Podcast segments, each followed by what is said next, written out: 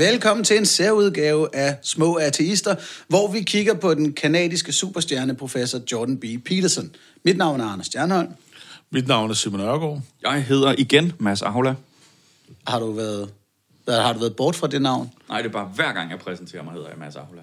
Nå, okay. Aha. Så har du hele tiden gjort, at det, der lød ligesom, men jeg hed Konstantin von Fløbendidækker her i to måneder, og nu fandt jeg ud af, at min numerolog tog fejl. Jeg er tilbage alt. på Mads Ahola. Man skal prøve alt, og nu prøver vi uh, Jordan Peterson i dag. Så dit navn er simpelthen en iterativ, øh, vedvarende proces, kan man sige. Det kan man godt se. Ja, spændende. Har I nogensinde heddet noget andet end det, I hedder? Jeg øh, prøvede på et tidspunkt som 14-årig at få indført, at jeg skulle hedde Ambrosius til mellemnavn. Med stum Q mellem B og R. Ja, det er klart. Ja, Den fase har vi jo været sammen i gymnasiet. jeg havde en periode i folkeskolen, hvor øh, jeg var en af, faktisk en af de eneste, der overhovedet fik et øgenavn. Der, der var en, der kaldte mig Nalle. Nå. Så jeg hed simpelthen Nalle i 3-4 år eller noget. Jeg tror, det mere exceptionelle er faktisk, at du er den, altså en af de få med et øgenavn. Det var sådan rimelig meget reglen i min gymnasieklasse. Ja, ja, men... Øh, ja, men jo, da man lavede op, altså folk, der hed Peter, hed Pede og sådan noget, ikke? Og Gustavsen, han hed Gus og sådan noget, ikke? Men jeg hed Nalle, det er jo helt uden for nummer i forhold til... Mm. Det betyder ingenting, og det har ikke noget med mit navn at gøre. Og Det er totalt random. totalt. Jeg har heddet Mave, i, øh, siden jeg var 14, og det er først sådan for alvor holdt op for en 5-10 år siden. Mm-hmm. Tror jeg, det, det, var, øh, det var især i rollespilskredse fuldstændig etableret identitet. Mave ud fra øh, kropsdelen eller øh, Skoene. lederen. Nå, okay. Og Mave, du sådan mavesko. En gang. Men det afgørende, øh, afgørende tidspunkt. Og så, stigmatisering? og, så, og, og så tænkte jeg jo, fordi jeg har, jeg har jo pædagogforældre, så jeg ved et eller andet om, hvordan børn de opfører sig, fordi det er jo sådan, når man snakker om hen over middagsbordet. Så jeg tænkte, okay, jeg ved, at jeg skal ikke yde modstand på det her. Øh, fordi så bliver, det, så bliver det for alvor sjovt. Så hvis jeg ikke synes, det er sjovt, så skal... Så, så, så uanset hvad, den eneste, jeg ikke må, det er, jeg må ikke øh, yde mod- modstand. Så jeg lod dem bare ligesom fortsætte med at kalde mig mave. Og så fortsatte de bare. Jamen, og, og en grundregel... omvendt Altså på et eller andet tidspunkt, så bliver det jo sådan en, øh, så bliver det jo ligesom bare en, øh, en, en, en ting. Altså det var fuldstændig umuligt at identificere mig, uden at bruge det navn. Jamen, Hvor- altså, en, grund, en grundregel i, i øgenavne er, at jo mindre lo, logik der er bag, jo bedre sidder de fast. Jeg har i mange år hed stjerne forskellige steder. I min gymnasieklasse, der var de så hurtige til at skifte ud til Nuga-stjerne, og derover til Nugi. Mm. Mm. Og så øh, øh, havde jeg en akut testikeloperation, hvor efter jeg hed Einstein. Klart. Og så mistede jeg min møde om at hedde Minutmand i et stykke tid. Alle sammen øh, øh, øgenavn med værdi, indtil en eller anden pludselig kalder mig Arne. Og så var jeg sådan, nå, men så er det det, du hedder. hvad, hvad fanden, der er absolut ingen altså, e- etymologisk sådan god historie bag det der, men nej, det var den, der sad. Men jeg vil så også sige, med Nalle, den, den blev jo også siddende. Og Nalle, øh, jeg kunne have gjort... Jeg gjorde lidt det samme som dig, men jeg var ikke så intellektuel omkring det. Sådan, mere intuitiv, altså, fordi jeg blev ikke sur over det.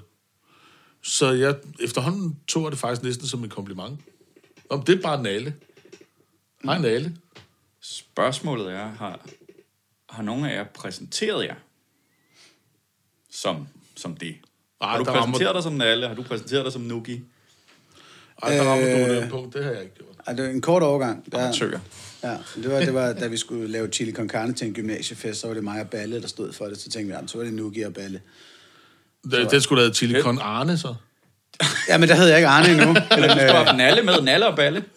Ja, Nå, tilbage til Jordan B. Peterson, og øh, det er så intellektuelt, den bliver det. jeg skulle til den savlige kritik af den her intellektuelle superstjerne, som vi altså lagde op til i titlen til det her podcast-afsnit, som forhåbentlig ikke kommer til at handle så meget mere om øgenavne. Mads Ahola, som altid har heddet Mads Ahola, Bortset Du har- fra, da jeg hed Mave. Bortset fra Mave.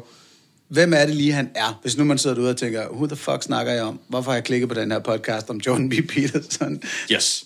Okay, jamen, øh, altså vi har jo lovet at tale om Jordan Peterson, øh, men vi har jo ikke rigtig lovet, hvad vi ville tale om, i hvert fald ikke sådan offentligt. Øh, så vores første opgave er jo ligesom at, at, at snævre feltet lidt ind, og vi, vi skal jo helst ramme noget, der pisser Anders af, for det var jo ligesom pitchet. Øh, Det er lykkeligvis ikke vanskeligt. Nej, og slet ikke med Jordan Peterson, kan jeg så forstå. Øhm, så, øh, men altså,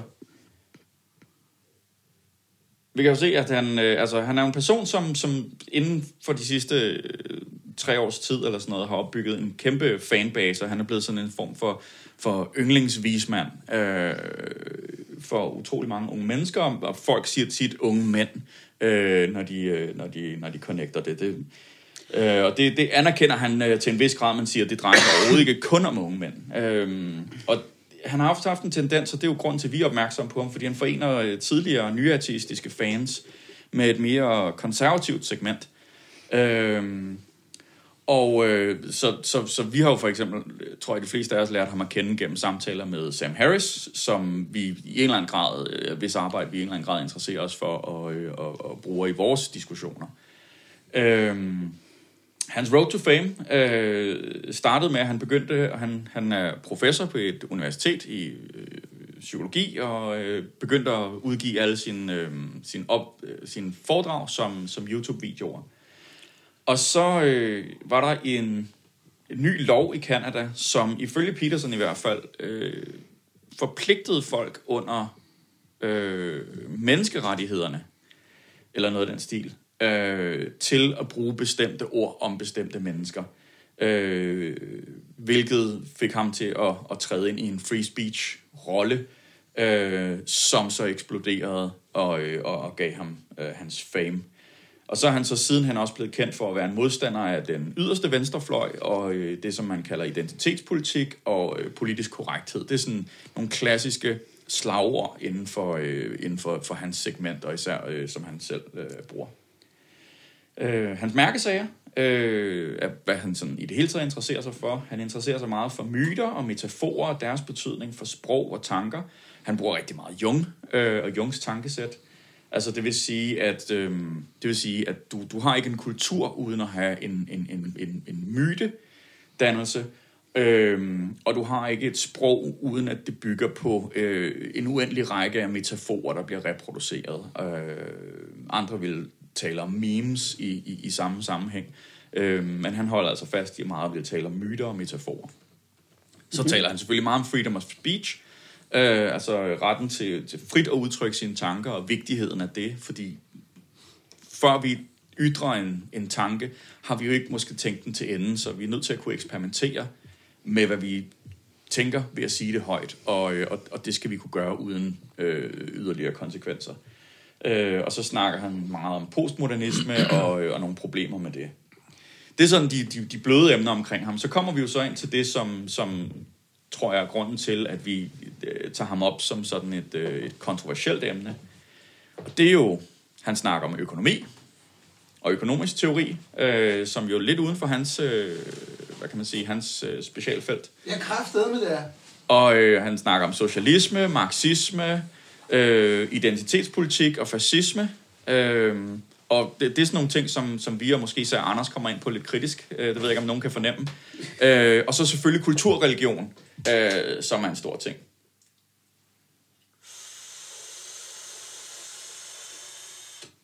Så er Anders klar. Anders skulle jeg allerede have fat i hele apparatet. men, okay. øh, men jeg må ikke hans, øh, Okay. Jeg, jeg, øh, har du nogle kommentarer undervejs? Øh, Jamen, det var fordi, du sagde, at han, øh, altså, han er også blevet kendt for at kritisere venstrefløjen, men som jeg har opfattet, er det jo venstrefløjens indflydelse på universiteterne, først og fremmest. Altså, og det, og det, har, og det, ja, det, det der med forbindelse med alt det i, i øh, så til længere. Nej. identitetspolitikken og så videre, ikke? Jo, jo. Og politiske korrekthed. Og, og han og kalder det også altid den yderste venstrefløj og sådan noget, men der, der, der, der, Ja. ja. der, der, der er en masse ting, vi kan komme ind på der. Mm. Øh, så, så der er selvfølgelig, hvad kan man sige, nuancer i, i, i hele det her øh, spektrum. Nå, hans appel, øh, som jeg har valgt at, at fokusere på her, fordi jeg kunne fornemme, at Anders ville være kritisk.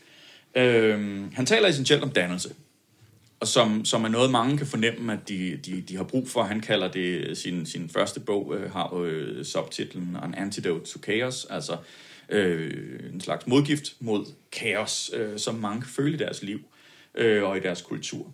Han taler meget for ydmyghed, øh, en tagline, han, han har brugt meget, og som hvis der er et kapitel i hans bog, er øh, Clean Your Room, som basically handler om, du skal ikke tro, du kan gå ud og lave en perfekt verden, eller ændre verden til noget meget markant bedre, bare fordi du har en god idé. Øh, prøv lige at kigge på dit eget liv og se, hvor svært det er at få ting til at fungere, og så prøv at få det hele samfund til at fungere. Øhm, og på den måde snakker der også om ansvarlighed, og øh, man tager et personligt ansvar for sine omgivelser, øh, men rodfæstet i den ydmyghed er en, er, en, er en vigtig vej til dannelse. Det kan jo det, det er sådan noget, der rimer meget med mit, mit virke som gymnasielærer i hvert fald. Jeg kan godt sådan se, hvor det er, de tanker virkelig er nyttige.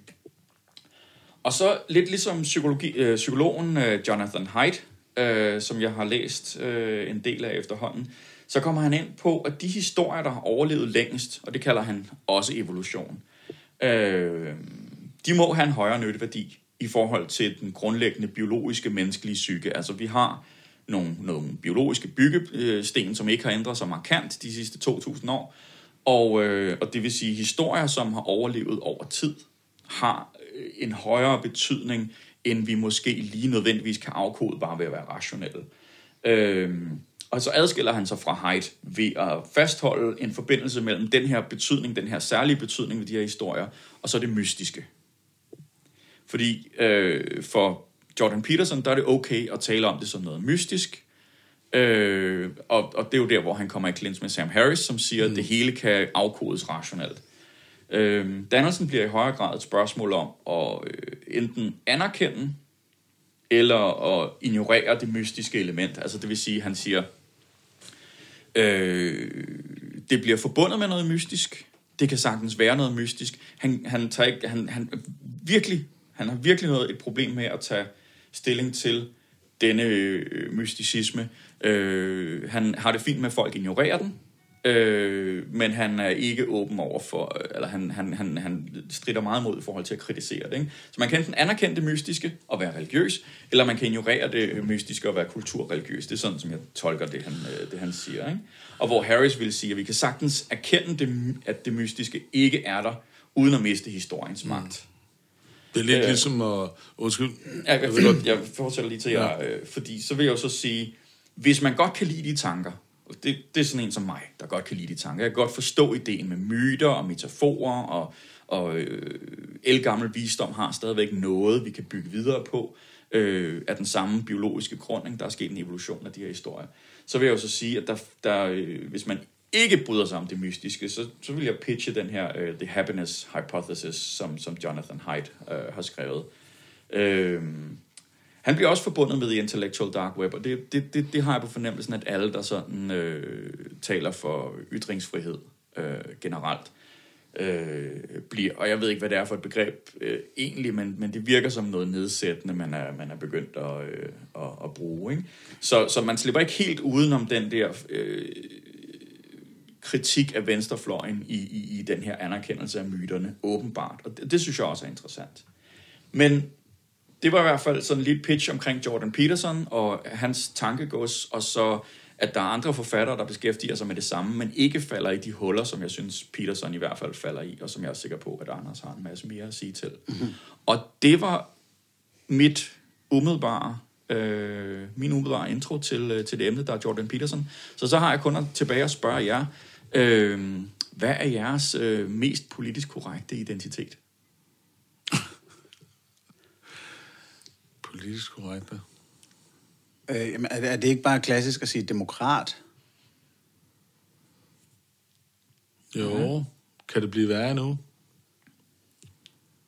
Offer? Altså sådan, det er, ikke, er det politisk korrekt at være et offer? Ja. Ja, måske. Det er faktisk rigtig nok, at du, du har været et offer for... Øh, jeg, oh, ja. jeg vil lige sige det samme, at jeg bryder mig ikke om den idé om at være et offer. Jeg vil ikke være et offer, jeg vil ikke spille mm. den rolle. Men det forekommer, at mange, øh, der går ind for politisk korrekthed og identitetspolitik, og som er krænkelsesparate, især på andres vegne, de elsker offerroller. Ja, og, og det er jo en af de ting, som, som, som Jordan Peterson jo i hvert fald er blevet populær på at kritisere mm. øh, det her. Så der må være, altså, der må være en eller anden øh, grundstrøm i, øh, i, i, i, i samfundet, der trænger til en stemme til, til det her. Ikke? Og det kan man måske også anerkende, at der kan være grund til, at vi har politisk korrekthed, men der er måske også grund til at kritisere det. Øh, mm. Og det kan være, at vi kommer mere ind på det. Jamen, og lad os endelig starte der med, hvor, hvor han kom frem, at fordi det vil vi tre nok også sige, at her er nogle lavt hængende frugter. Her er nogle mennesker, der insisterer på, at du skal tale på en bestemt måde, før du stadig må være med i debatten. Og det er helt klart det, som man reagerede først på, og bare sådan, ja tak, her er en professor, han vil gerne have lov til at sige hun eller han om en elev ud fra, hvad han umiddelbart kan aflæse, eleven har af biologisk køn. Og så, hvis eleven sidder og siger, at jeg er faktisk en bla bla bla, så er det sekundært. Det er egentlig det, han, han vil. Ikke? Mm. Og ligesom sige, at jeg, man er ikke et dårligt menneske, fordi at man gerne ser, at, at vi er i to køn. Altså, man kan også bare være 70 år gammel eller et eller andet. Øh, og den modstand, rigtig fin. Øh, jeg har oplevet noget af den, da, da jeg blev øh, afvist som taler til den demonstration, der hed Slotwalk. Det har vi talt om i podcasten. Fordi jeg for eksempel brugte et ord som prostitueret frem for sexarbejder. Altså, når man går ind på den der måde og siger, at der er et korrekt vokabularium, der skal benyttes, ellers så er du simpelthen diskvalificeret fra debatten, så har du allerede ødelagt debatten. Øh, og, og det er helt klart der, hvor at, at de fleste kan springe ombord på, på Petersons opgør med den kultur. Øh, der er jo så andre dele af det, hvor jeg måske ikke vil give ham helt ret, men, men det er lige der, hvor man er sådan lidt, okay, den kan vi skulle være med på. Der kan altså, man tale om den der understrøm, som, som, som ligger og, og, og må være sulten efter en, der kan sige det på en måde, som lyder mere overbevisende, mere principfast og, mm. og på andres vegne. Ja. ja, fordi man kunne lige så indvende at sige, at, øh, at det, som John Peterson taler om, nemlig øh, se på dit eget liv, se på, hvordan der ser ud hjemme hos der, hvor du bor. Hold, kan du finde ud af at rydde op? Kan du finde ud af at holde, holde dit tøj rent? Kan du finde ud af at stå op til tiden og passe dit arbejde? Sådan nogle ting. Det burde jo også være politisk korrekt. Men det er jo meget konservativt. Jamen, Men er der samtidig, nogen, der taler imod det? Mm, altså, det er jo bare en god Ja, idé. altså, det, du kan jo godt drage nogle paralleller til det, og så til det her med karakterræset, at, at de unge mennesker er stresset på grund af, at de skal lave noget i skolen, og de, de er karakterer og så videre. Altså, øh, du kan godt, jeg synes godt, man kan se konturerne af en, en ja, altså jeg mener, han er konservativ, hvis man skulle sætte ham på, et, så han, han er konservativ, ikke? Øh, og, og så er der en modsætning mellem det, og så den nye, øh, hvad skal man sige, altså det, der bunder marxisme, venstrefløjs øh, tankegangen om, at alt er en social konstruktion og så videre. Derfor skal vi også øh, konstruere sproget og så videre. Altså, jeg, jeg, han, det, der, det, som Peterson gjorde, det var ikke bare at tale imod de der ord der. Det, han så The Slippery Slope med det samme. Og, og derfor, altså, peakede diskussionen også med det samme. Altså, det blev meget konfrontatorisk. Og, og, og hvad for en slippery slope så han? Jamen, altså, den samme som jeg ser, for jeg er enig med ham, at øh, hvis du begynder med at regulere sproget, bare på nogle områder, jamen, så er det den direkte vej til fascisme jo. Okay, som godt jeg ser, Nå, så bare den ikke... Ja. Nå, men hvis vi ikke har karakterer i folkeskolen, eller du ikke rydder op på dit værelse. Nej, nej. Det, det havde ikke noget med slippery slope at gøre. Nej, nej, det, det, nej, det var inden for identitetspolitikken, som jeg... Eller øh, diskussionen, ikke? Altså, hvad for nogle ord må vi bruge om hvad, øh, og, ja, eller den sociale konstruktionisme. Altså, Godt nok. Okay. Øh, Jamen, fordi Men skal vi så ikke øh, i, i, i den gode ånd? Så hvis, det er bare lige, der, der er ikke nogen, der har sagt ja. noget imod at rydde op på sit værelse, så vidt jeg ved. Nej, nej, nej, det, nej, nej, nej, nej, men det var okay. bare for at tage, male et, et baggrundsbillede af, at Petersen er dybt konservativ, ikke? Men så har jeg, mm. jeg har en lille test. Det gode gamle jeg synes dyder, egentlig, at, at, at, Anders gør det meget fint. Han starter med at anerkende nogle, nogle, nogle væsentligheder i de pointer, som Petersen kommer med. Nu er du yes. inde og kritisere identitetspolitik, og, mm. og ligesom øh, slutte dig til den kritik. Kan du så ikke starte med at fortælle, hvad er det, der er vigtigt ved identitetspolitik, siden det er opstået som, som fænomen? Altså, kan du, kan du løse billet til den diskussion på, på samme måde, og sige, selvfølgelig er der, er der noget rigtigt i de tanker, som du kan pege på, som så fører til noget senere hen af vejen, noget forkert? Nå, altså, at politisk korrekthed startede som en nu, nu, positiv idé. For identitetspolitik først. Det var det, du... Identitetspolitik, jamen altså, jeg tror, at mange, der køber ind på det, ligesom køber ind på ideen om, at vi skal jo acceptere hinanden. Altså, og, og vi skal have tolerance over for hinanden. Det siger alle jo. Præcis. Og sådan starter det. Mm. Øhm, men det er bare den forkerte vej at gå. Men hvor kommer identitetspolitik ind i det? For det handler jo om at se folk... Øh, så vidt jeg forstår, at et, et, et nedsættende begreb, der bliver brugt om at, at, at se folk som, som, som gruppemedlemmer. Altså at øh, man som for eksempel sort amerikaner øh, mm. skal have en, en særlig stemme i forhold til øh, racespørgsmål, mm. og at man som transseksuel skal have en særlig stemme og en særlig ret til at tale i forhold til kønsspørgsmål. Måske endda særlig pligt også, og det er der også nogen, der gider, ikke? Jo, men, men så, så, så, så, så hvad kan Okay, du... jamen, øh, altså, jamen, der, så peger du på øh, en, en anden modsætning, med- altså nogle andre ord, vi kan sætte på det, det er individualisme i forhold til kollektivisme. Ja, men nu vil jeg have dig til at anerkende noget ved det. Jeg vil have dig til at prøve først at se, kan du, kan du, kan du sige, kan der være noget positivt i at, øh, at, at, at gå den vej i første omgang? Jamen, jeg tror, intentionerne er positive. Det tror jeg. Ja. Og, og, jeg tror, øh, og jeg tror også, at øh, i forhold til at se, vi har en gruppe af mennesker i samfundet, som ikke har det godt. Ja. En eller anden minoritet. Så kommer man jo til at gruppificere dem, eller kollektivisere dem på en eller anden led. Men vi er jo ligesom nødt til at, at vide, hvad vi snakker om, ikke? Jo. Så, så på den måde kan jeg godt se, at det at, er nødvendigt. Ja. Øh, og, og, og også med alle de gode... Øh, altså, det, det siger jo sig selv, at, øh, at hvis vi har en gruppe børn i skolerne, som ikke har det særligt godt på grund af et eller andet diagnose, eller hvad kan det være? Eller... Ja, hvad, hvad Eller en kønsidentitet, Eller, eller en et- kønsidentitet. en etnisk identitet. Eller de homoseksuelle, for at tage Ja. ja. et yndlingseksempel for os artister, ikke? Jamen, øh, så kommer vi jo til at putte dem ind under en hat, og så ved vi jo godt, hvordan de selv vil have alle mulige forskellige hatte på, og nogen vil ikke have hatte på, og, og så kan det gå op i hat og briller.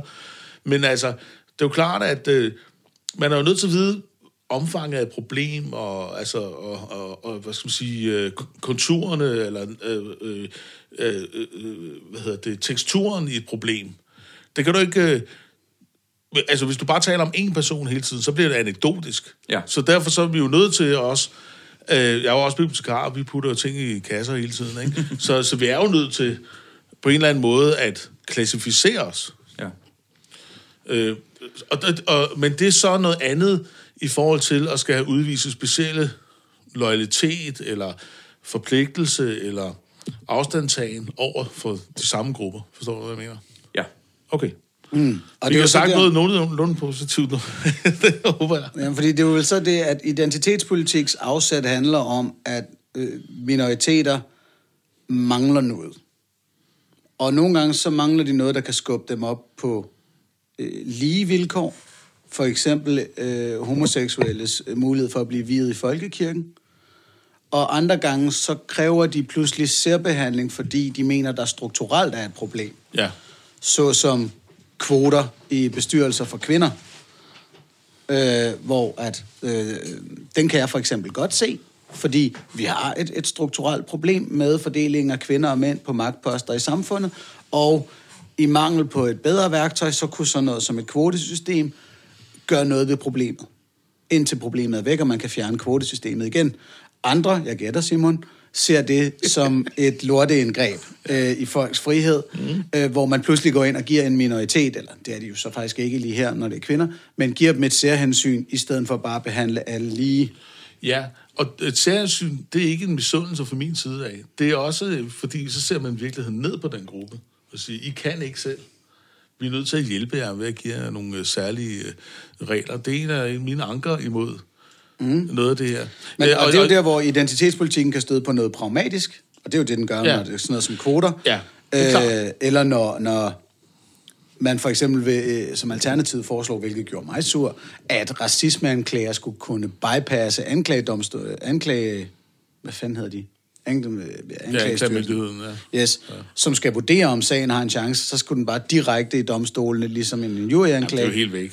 Ja, hvor det er sådan et særhensyn, som på en eller anden måde skal bløde op for racisme mm. i landet. Altså, det er, jo- det, er, det er et mål, der, eller en metode, der helliges på grund af målet. Øhm, Ja.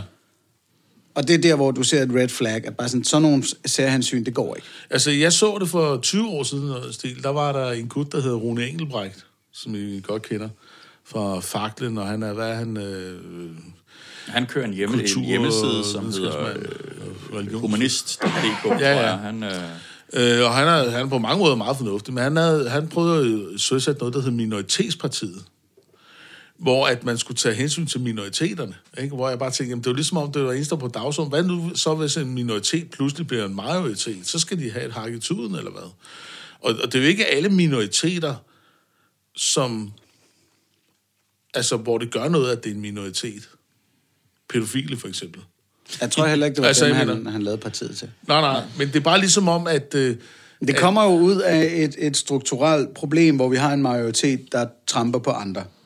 Det er ikke sikkert, at den tramper, men det er Jamen- klart, at majoriteten har fordele. Og, og vi er ikke enige om, hvorvidt den tramper, vi er ikke enige om, den gør det med vilje, alt sådan noget der. Men mm. det er jo der, det starter, hvor man siger, at her er en minoritet, der er undertrykt, og de har brug for hjælp, ergo, bum, identitetspolitik. Ja, og Og vil tilbage jeg også lige til- sige, for bare lige at, øh, at, at holde fast i en tråd, vi har haft gang i før. Mm. Så alene det, du bruger pædofil som eksempel, øh, uden at skille det i sygdom og handlingen.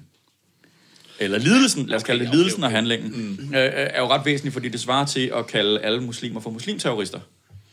Og så, jamen, jeg mener jo ikke terrorist, jeg mener bare en muslimterrorist. Og så, og, og så ligesom hvad det, lad det være ved det, fordi øh, det er vel ret væsentligt, om man, altså selv for en, en, en hærdet nationalkonservativ øh, islamkritiker, og det, der mener jeg ikke dig, Simon, men, men, men, men selv for den mest er hærdede, øh, vil jo anerkende, at der er en forskel på en muslim og en terrorist. Øh, så, så, øh, så Jo, jo, men jeg mener, altså, uanset hvad for en type pædofil du er, så er det jo...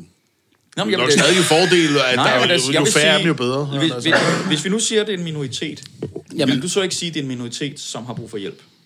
Jo, jo, særlig jo, jo, hjælp, jo, fordi jo, de er en minoritet. jo, jo, nogle af dem, men det, det er bare for at sige, nogle minoriteter må jo gerne vedblive med at være mi- minoriteter, ikke? Jo, jo. Altså, øh, men, men for lige at vende tilbage til det, du sagde før, med, med der er noget, nogle strukturer. Bare lige for at vende, øh, tage det tilbage til øh, Jordan Peterson. Han siger jo, at vi er nødt til at anerkende, at der er de her strukturer, eller hierarkier, som han kender dem. Det er ikke, fordi han anerkender naturen, at de her ki- hierarkier går ind for det ideologisk. Vi er bare nødt til at anerkende, at der er nogle hierarkier, ikke? Mm-hmm. Hvor at øh, så venstrefløjen mener, altså det vi kalder venstrefløjen nu, dem som er mod Jordan Peterson, de kalder det sociale konstruktioner.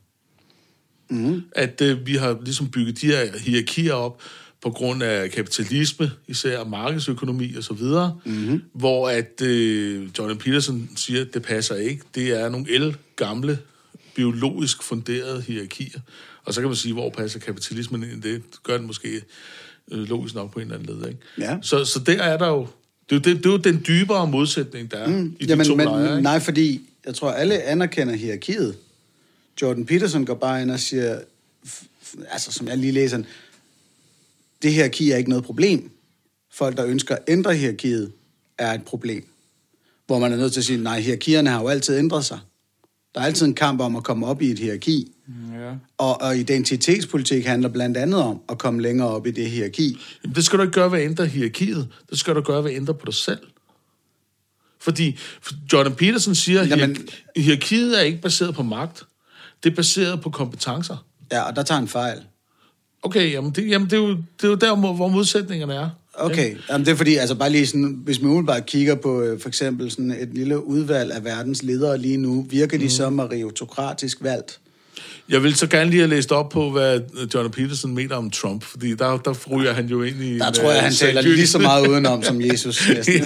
Nej, jeg, jeg, jeg, jeg mener egentlig, at det, øh, det, sådan som jeg forstår øh, det, han siger, så siger han, der er mange hierarkier, og de bygger på forskellige kompetencer, og en af kompetencerne kan jo for eksempel være en bullshit-kompetence, og så giver Trump fin mening. Ja, ja. Yes. Og så siger han jo også, som jeg egentlig synes er en fin anerkendelse, han siger, øhm, at i en verden med hierarkier vil der altid opstå uligheder. Der vil altid være nogen, som er, øh, hvad, hvad vil man sige, marginaliseret, disenfranchised. Ja, det kan godt. Øh, der vil altid være nogen, som ender med at være marginaliseret i, øh, i, i, i de her mange kompetencehierarkier. Nogen, som har meget, meget få øh, hierarkier, de kan komme op i.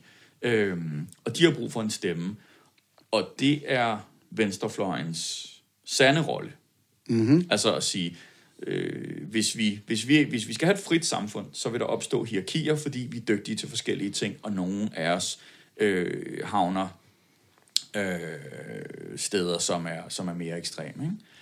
Ikke? Øhm, og Og ja, nogle af os har det nemt. Og Øh, hvide mænd in particular kan komme frem i nærmest alle hierarkier. Au. det passer ikke. Ja, NBA er lidt sværere, men det er udover. Altså- den, er, den er Jordan Peterson i hvert fald ikke enig med dig i. Det, nej, og, og der er man sådan lidt... Det, det, Nej, og det er super mærkeligt. Det er det- sgu da nemt nok at se, at det er stadig... Jamen, man får hvad, det. hvad, hvad for nogle præmisser går du så efter der? Forklar.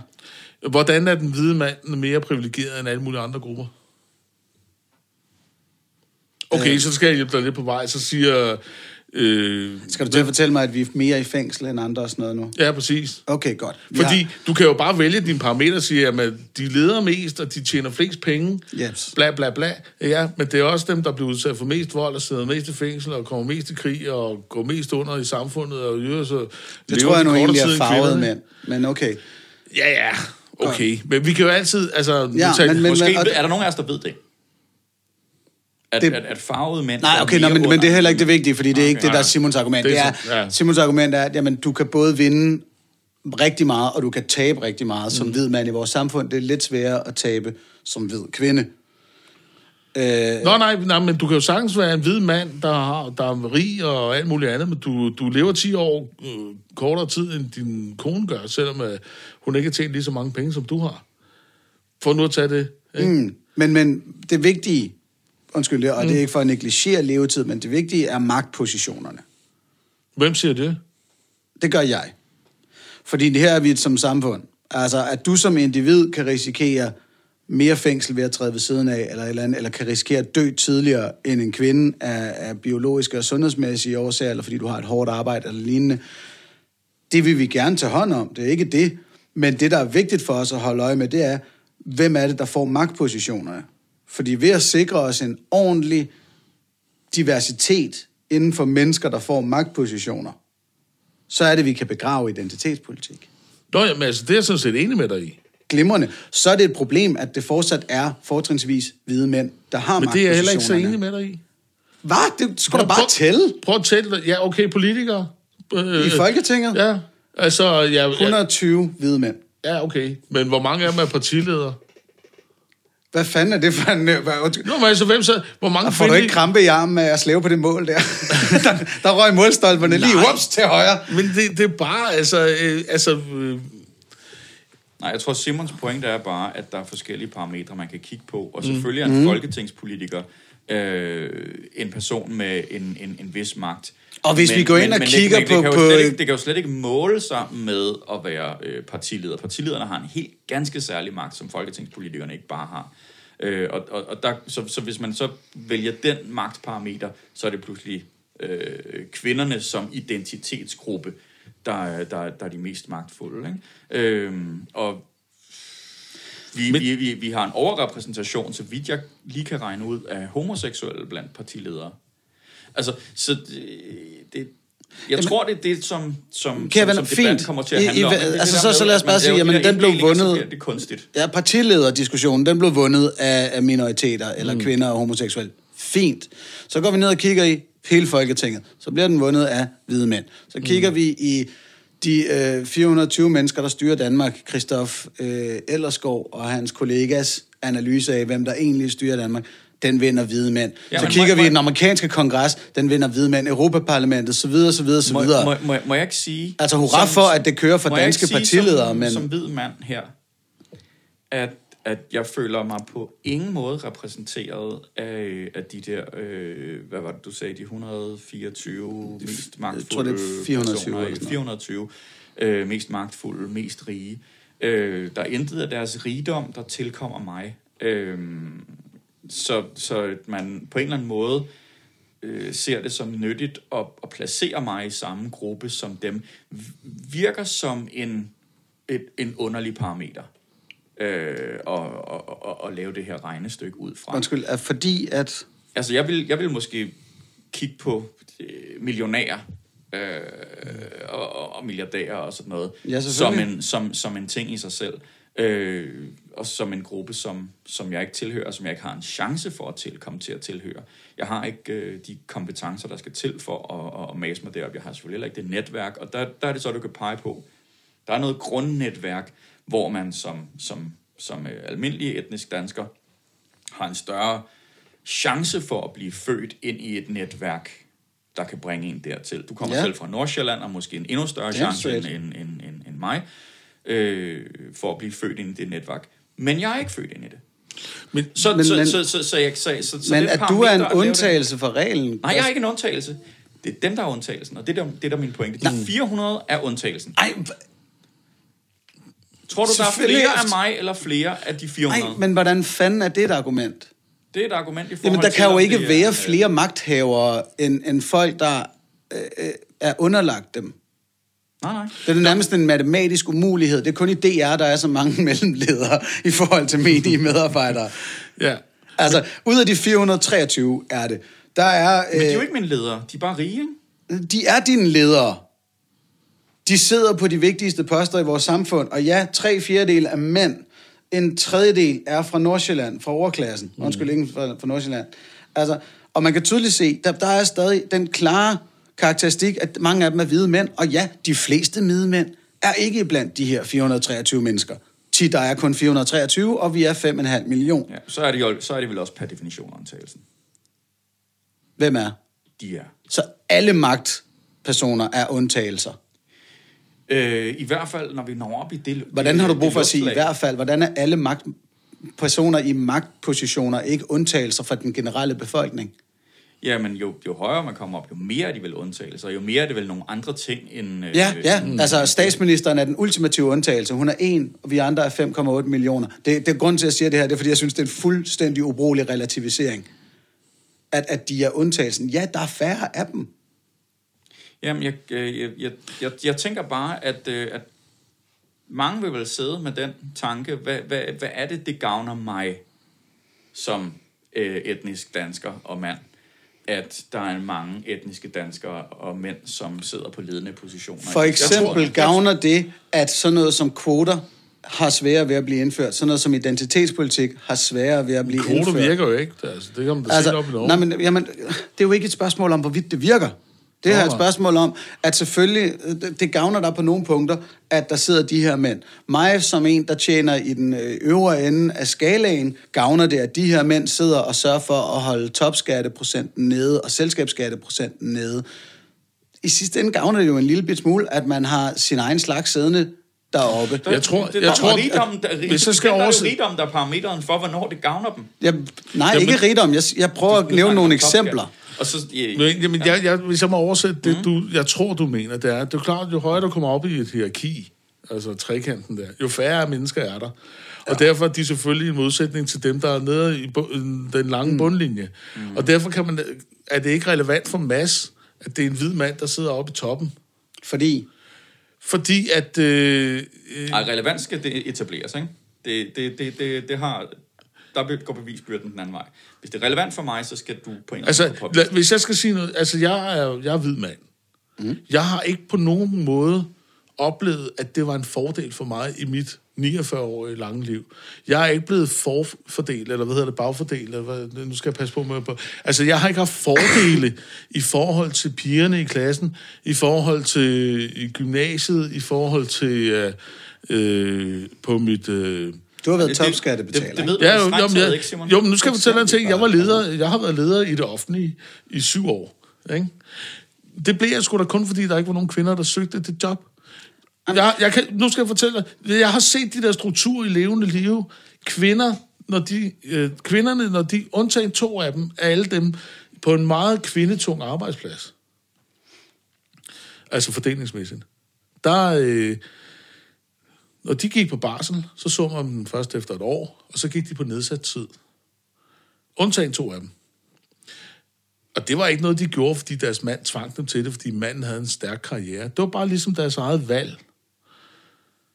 Når børnene så blev større, så gik de jo ikke op i tid. Og når børnene flyttede hjemmefra, nej, så gik de heller ikke op i tid, fordi det er også lidt rigeligt, at måske jeg skal gå to timer efter på arbejde hver dag, og vi klarer os jo meget godt, og så videre, og så videre. Og så kan man ikke komme bagefter og brokse over, at man ikke er blevet leder, eller at man ikke øh, En af mine øh, øh, har tjent forældres, lige så meget i pension, som ens mand har, og så videre. en af mine forældres naboer fik øh, lungekancer. Og så bad familien for ham, og så blev han helbredt.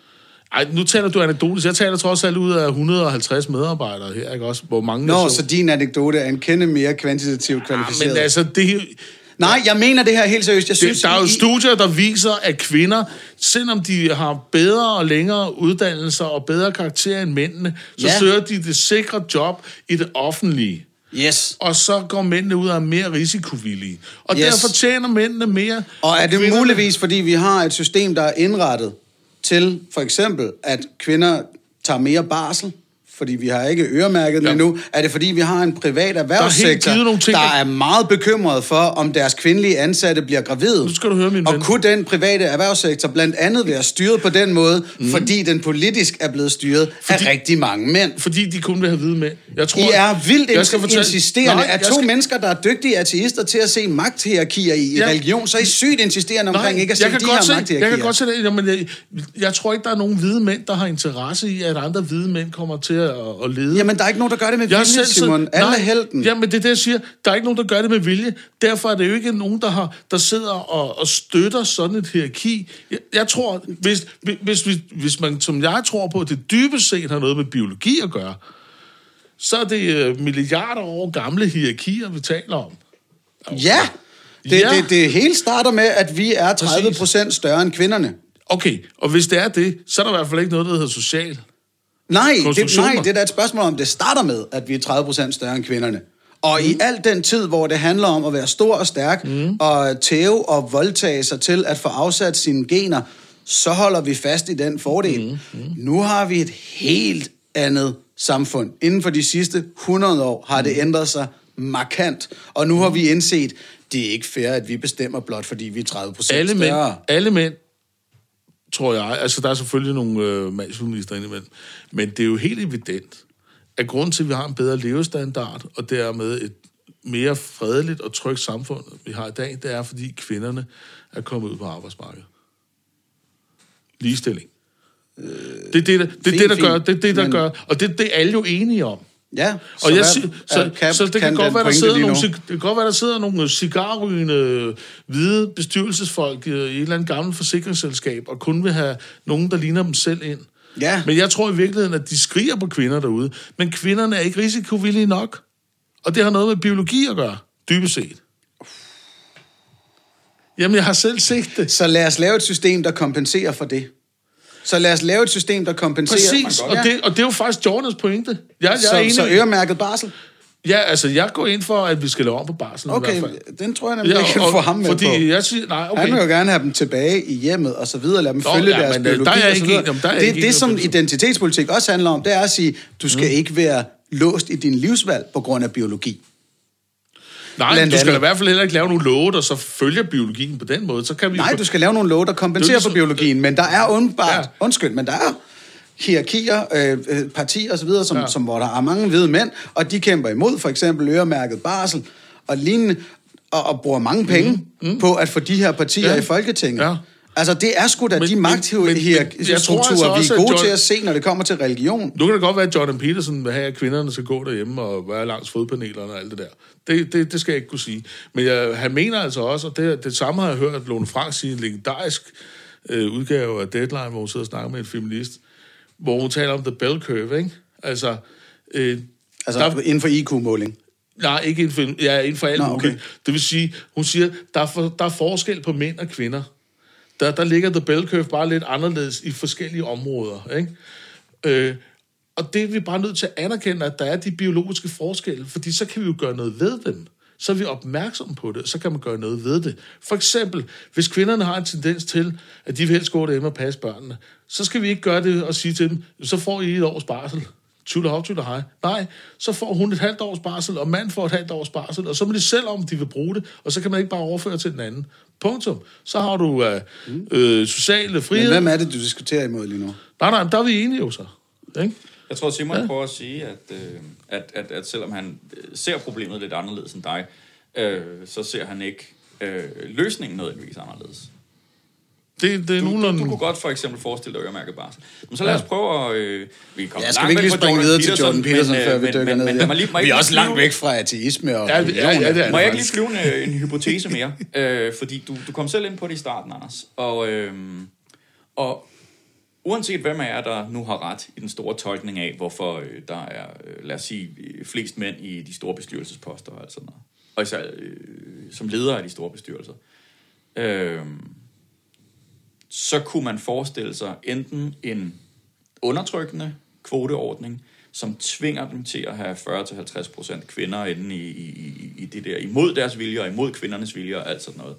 Men man kunne også forestille sig en, en, en, en tilsvarende kvoteordning, som fungerer som en, en, en murbrækker, at når først man så har haft kvinderne i de vigtige bestyrelsesposter i en årrække, at så begynder man at etablere en norm i samfundet. Når man så giver slip, hvis antallet så daler igen og finder et naturligt leje, vil det så være okay at anerkende det leje som værende naturligt efter eksperimentet, eller som øh, i hvert fald plausibelt? Ja. Okay, fordi jeg tænker, jeg tænker, det er vel i virkeligheden der, vi alle sammen gerne vil hen af. Øh, Det er det der med, at det skal være muligt at prøve nye former af, og det skal være muligt at tage mere radikale midler i brug, end bare den der rene øh, ultraliberalistiske frihed, Ja, ja. Øh, som er en illusion, øh, i, i, i hvert fald ifølge dit synspunkt, ikke? Øh, som, som, som midler til, men også at sige, nogle gange så prøver vi altså at skubbe lidt på vej for at se, om ikke vi faktisk kunne have en fordel ud af at få nogle kvinder ind i de Nemlig. topbestyrelsesposter og alt sådan noget. Jeg, jeg er helt fuldstændig enig i det der. Altså, jeg mener absolut ikke, man skal have kvoter, hverken tvungne eller hvad du kaldte det. Men vi skal se på, hvilke incitamenter, hvilke incita- incitamentstrukturer er der i vores øh, velfærdssamfund og vores øh, lovgivning øh, i det hele taget, øh, som, som gør, at kvinder vælger det fra. Okay, så, så, så, så, så, var For jeg, det- Så er du ikke enig. så, var jeg, så var jeg ikke klar i spyttet. Okay. Jeg siger, jeg kunne sagtens se øh, kvoteordninger som en mulighed for at teste, hvad kan man sige, øh, den øh, socialkonstruktivistiske samfundshypotese. Øh, og det vil jeg ikke have noget problem med. Øh, og, øh, og, og, og, og, og, og jeg, altså, Nu, nu siger jeg lige, altså, det at være for kvoter er ikke det samme som, man, at man dermed er socialkonstruktivist. Nej, nej, nej. Altså, det er bare lige... Men, men Nej, altså, nej, men, jeg det, synes... men det kunne være, altså, men den socialkonstruktivistiske tankegang siger, at det er, det er nogle strukturer, der holder kvinderne ude af de der poster, og så kan man sige, så tvinger vi dem ind, og så kan man se, om strukturerne ændrer sig. Men det virker bare lidt... Altså, kan I huske, da Ny Alliance dukkede op, ikke? Mm. Ham der rigmanden, Lars, øh, et eller andet... Øh, fra, Lars Seier? Nej, ikke Lars Seier. Han kom Nå. fra Fyn, sjovt nok. Han foreslog, at man skulle gøre Fyn skattefrit, eller et eller andet. Altså lave et særligt skattesystem på Fyn. Så kunne man jo se, hvor godt det ville gå på Fyn, i forhold til resten af landet. Og Lars så? Ja, det kan godt være, at det var det andet. Jeg kan ikke huske, hvad det hed. Og al- altså, det blev hans... Øh, han, han døde politisk set der. Fordi det kan man ikke. Du kan, du kan ikke lave en ø i et samfund på den måde. Ja, Kan Så jeg tror ikke på den det metode, går ret men- godt for Jersey. Ja, ja, ja, men det er det. Altså, øh, så jeg tror, jeg tror ikke på den metode. Han, havde bare, han var klar til at åbne et kæmpe advokatkontor med skuffefirmaer. Og sindssygt, mand.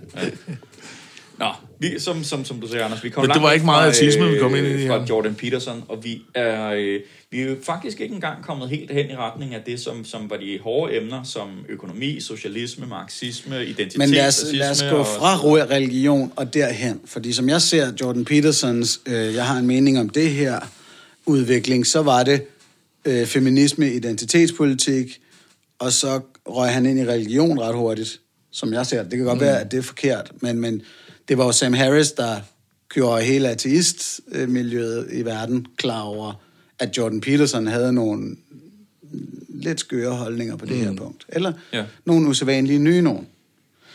Øhm, og, og vi har vel alle sammen set uh, de her fire live talks mellem Harris og Peterson, som de lavede efter, at de havde en, en første samtale i Harris' podcast, der var helt fucked. Ja, og jeg kan lige, hvis... Øh, igen, det er jo ikke alle, der lytter til os, som lytter til, til Sam Harris' podcast. Mm. Jordan Peterson har været på besøg to gange i den podcast, og øh, ja, den første, som du antyder, det var en katastrofe, øh, fordi Jordan Peterson gravede sig ned i noget, han selv synes var lidt morsomt, øh, som, som en, en pointe, og så kom de aldrig op af det hul igen. Øh, og anden gang havde de ligesom måske lidt mere fået øje på, hvad det var, hinanden kunne bidrage til i diskussionen, og så havde de en bedre snak. Og så havde de jo en snak om det samme en gang til, hvor de havnede i det samme hul, men de kom ud af det igen. Og det, og det synes jeg egentlig var en interessant, det er det, der gør øh, udsendelse nummer to interessant. Øhm, så hvis man virkelig overgår det, så skal man faktisk høre begge udsendelserne, og hvis man ikke gør, så skal man kun høre den sidste. Ja. Okay. Og så kan man ellers høre de her fire samtaler, som, som er først og fremmest, og lad os endelig starte rosende, er en triumf for udveksling af idéer. Ja. Virkelig en triumf for at sige, her er to mennesker, der nørder løs i to og en halv time per gang. Og det, jeg synes var noget af det allerfedeste ved det, det var, at hver gang de ligesom lagde op til, jamen så er der en audience Q&A, så sad folk bare, øh, vi gider ikke at have en eller anden vanvittig tosse, skal have mikrofon og stå og jamre i to minutter med alle mulige strømmænd og forkerte ting og sådan noget. I, sk- I to skal fortsætte, ja. I er på det rette spor. Og, og der lavede de jo så afstemninger de sidste par gange, og folk var helt klar i spyttet omkring, I skal bare fortsætte, dykke videre ned. Enig. Det var fantastisk. Øh, og så kan man så, spoiler alert, jeg synes Harrison øh, vandt hands down. Mm. Men øh, Harris er også jo min, min store held. Helt klart. Øhm, Og, øh, og, og, og, og ikke fordi de er enige om alting, og nogle ting er de enige om, og nogle ting, og det har du også allerede peget på, der synes du ikke, Harris øh, overholder sine egne øh, Der er et tidspunkt, hvor standarder. Harris skuffer mig helt skørt. Og det, så, så er der en teaser også. Men øh, generelt også, hvis jeg skal, Skal vi sige... ikke ind på øh, det her? Men bare en generel kar- karakteristik af de fire debatter, jeg synes, at det er Jordan Peterson, der har meget taletid, han får, fordi han nørder jeg ved og broderer mig igennem, ikke? Jo. Men og, det er så sidder, også- og så ja. sidder Harris bare og siger, jamen, hvor, hvor rationaliteten henne i det der? Men, altså, derfor, derfor er Gud og en gammel mand, måske ikke, eller et eller andet. Ja, jamen, det er jo fordi, at Harris griber det ret fornuftigt nok sokratisk an, fordi Ja, ja, ja. ja. Peterson har jo simpelthen så skidetravlt med, undskyld, synes jeg, at flytte målstolperne sådan hele tiden. Fordi han jo stadigvæk ikke har defineret sin egen religiøsitet særlig præcis, klart. præcis. Og det er der, hvor at, at vi kan blive meget trætte, når man, når man laver det der. Altså, som, Ja. så vidt jeg nu har, har kogt det ned, der er nemlig på et tidspunkt i første talk, tror jeg nok, hvor han ligesom siger, at det handler om, at Gud er, eller at der findes et a priori objektivt princip, eller flere, som giver os forståelsen af fakta, men som ikke oprinder fra fakta. Mm. Og det er lige ved det men der, det oprinder ikke fra fakta, der smider han transcendens, guddommelighed ind. Ja, det smuler det ind, ikke? Ja, fordi at egentlig så kigger man jo bare på, at han siger, jamen der er nogle af de her historier, som du var inde på, Mads, de overlever længere end andre, fordi de har nytteværdi og så videre. Og det er vi jo alle sammen med på. De er for eksempel inde på, øh, hvis man onanerer mindre, så forplanter man sig sandsynligvis mere. Og har måske også energi De har det til at samme, som arbejde vi har med at, at komme til at snakke meget om ni, faktisk. Ja, ja, og det det er- synes jeg egentlig er positivt. Ja, det, det er bestemt. bestemt. Men, men det er det der med, så går han lidt... Altså, og så udveksler vi trik, øh, tricks til sidst i podcasten. Og det er der, hvor at de er jo fuldstændig enige om, uh, podcasten wanker. Ja, det Kiks. Massive wankers, det er godt nok. Nå, men øh, de, de er jo sådan set enige om, jamen de her historier har haft en evolutionær nytteværdi, og det er ateister jo også. Øh, Simon og jeg er også inde på, på det i vores bog, jamen det vi har haft nytte af, også smide dem i, smide, nu er det her en guddommelig regel, om at du ikke må onanere. Jamen det betyder selvfølgelig, at mænd har energi til mere, måske er de også mere aggressive, gider og slås, og så boller de nogle flere damer og producerer nogle flere mennesker.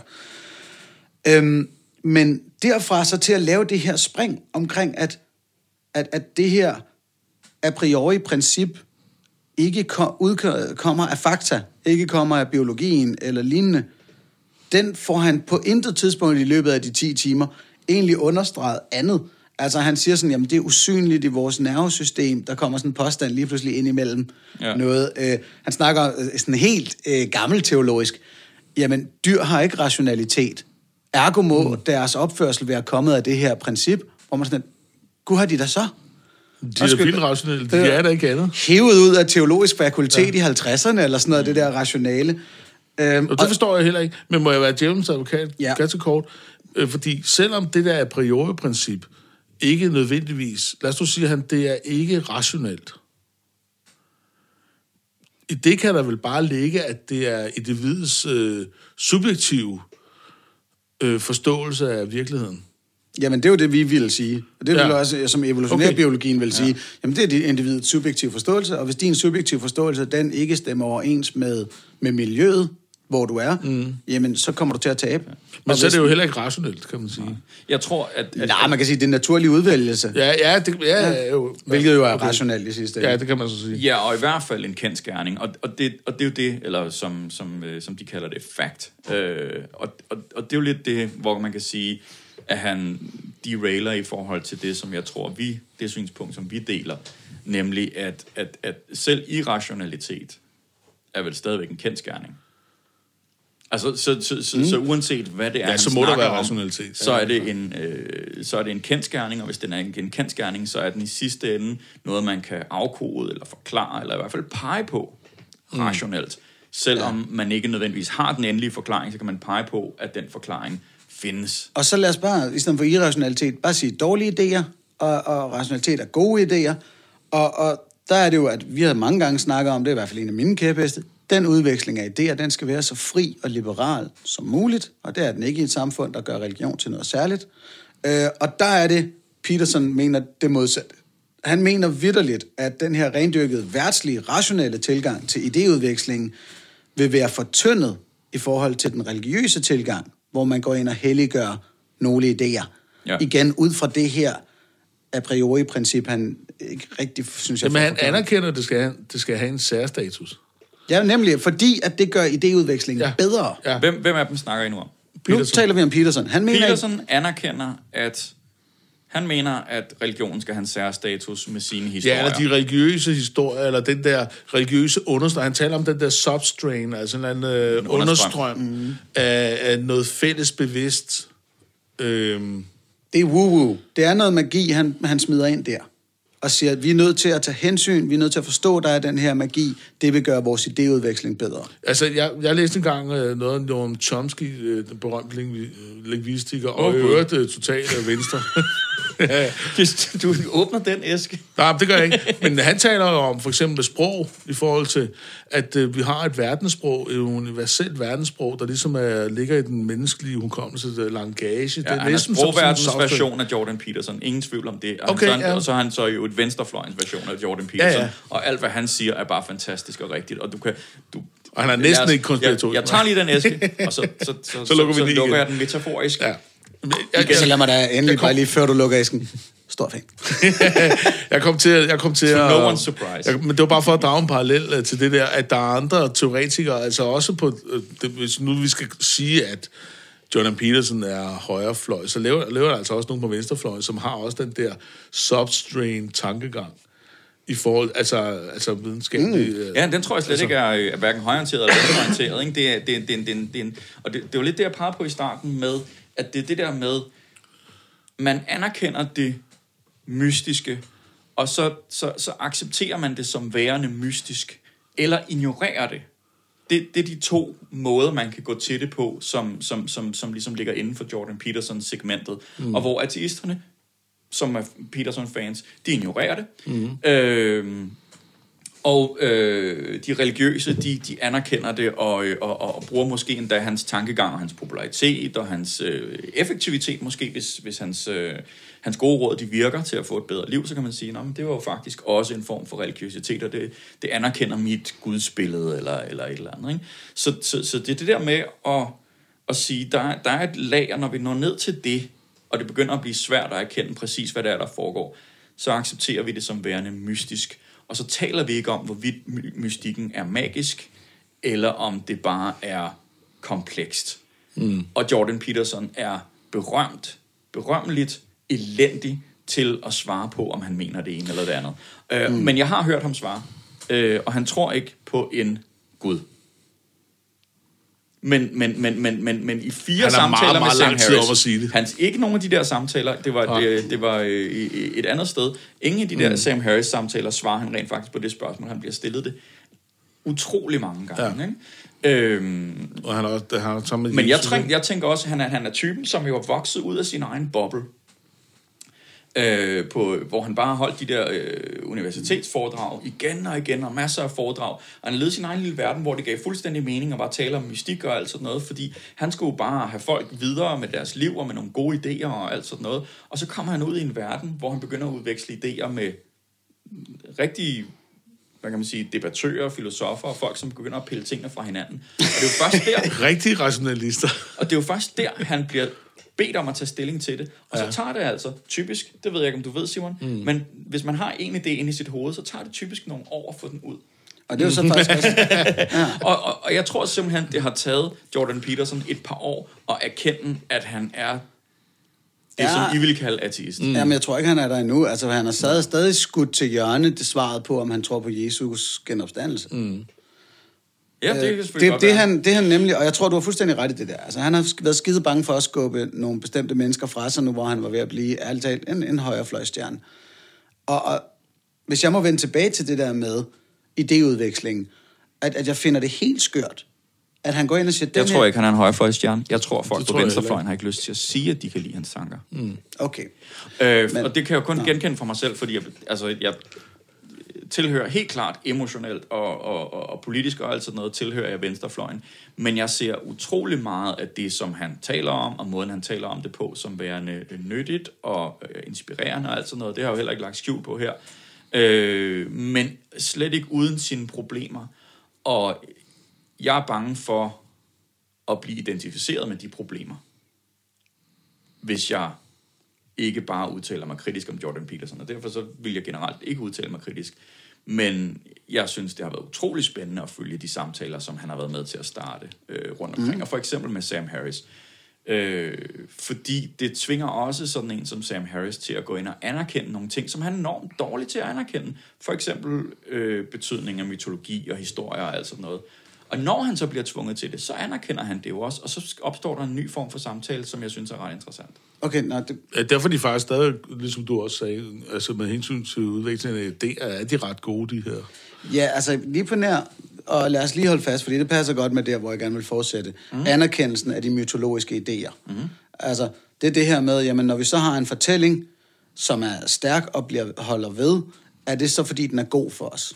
Det er jo sådan set det, Peterson siger. Mm. Øh, lidt i modsætning til, til mennesken fra øh, den øh, fantastiske julesang White Wine in the Sun, mm. hvor han siger, I don't believe ideas are worthy just because they're tenacious. Mm. At fordi en idé har noget, noget alder på sig, så er den god. Jeg er også totalt uenig med ham øh, på det punkt. Ja, altså fordi det, men det er der, hvor Peterson går ind og siger, den her idéudveksling bliver bedre, hvis vi holder øje med the ancient uh, divine principle. Altså, som om, at, at cocktailen bliver bedre af, at den er religiøs, hvor jeg vil sige, nej, altså religiøse gode idéer, gode idéer for religionerne, er i en nærmest homeopatisk cocktail fortyndet af elendige idéer. Øh, og, og, altså, det- vi har vel flere gange været, været enige om, at jamen, det der religions allers mest negative effekt på vores udvikling, det er, at de holder liv i dårlige idéer. Ja. Unaturligt længe. Mm. Og det er jo det, som øh, Sam Harris gerne vil gå ind og anerkende, jamen der er mytiske historier, der har nytteværdi, så er der fandme også nogle af dem, der har det modsatte. Altså, Sodoma og Gomorra-fortællingen har holdt øh, homoseksuelle øh, undertrykt i, i 2000 år for fanden. Det er en elendig idé. Jamen, øh, altså helt enig, og så vil jeg så sige, de gode idéer, der er i religion, de er i alle mulige andre religioner også. Øh, en religion, de er også i andre religioner, øh, og det er fordi, det er mennesker, der får de idéer. Øh, og så det er mennesker, der får de gode idéer. Ja, kend din fjende. Øh, globalt etableret skidegod idé. Og, og så vil jeg sige en anden ting. der- Homoseksuelle skal smides ud fra bygninger. Regionalt etableret elendig idé. Altså underholdning, underholdningsmæssigt tip-top, men altså sådan humant, øh, ikke så godt.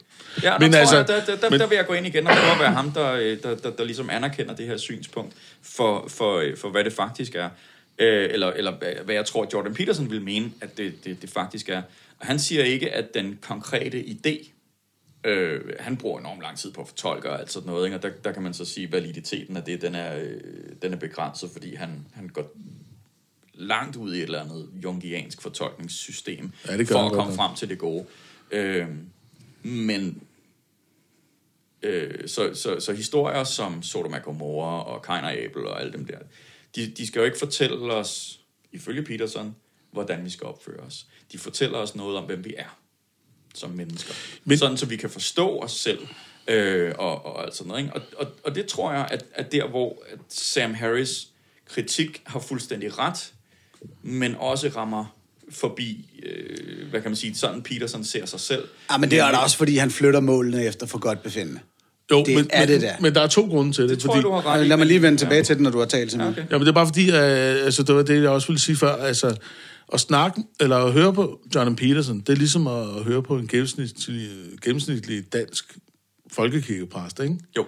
Jeg vil ikke nævne en, som mig og Anders har diskuteret rigtig meget med, fordi det fortjener ikke at blive nævnt i det her selskab.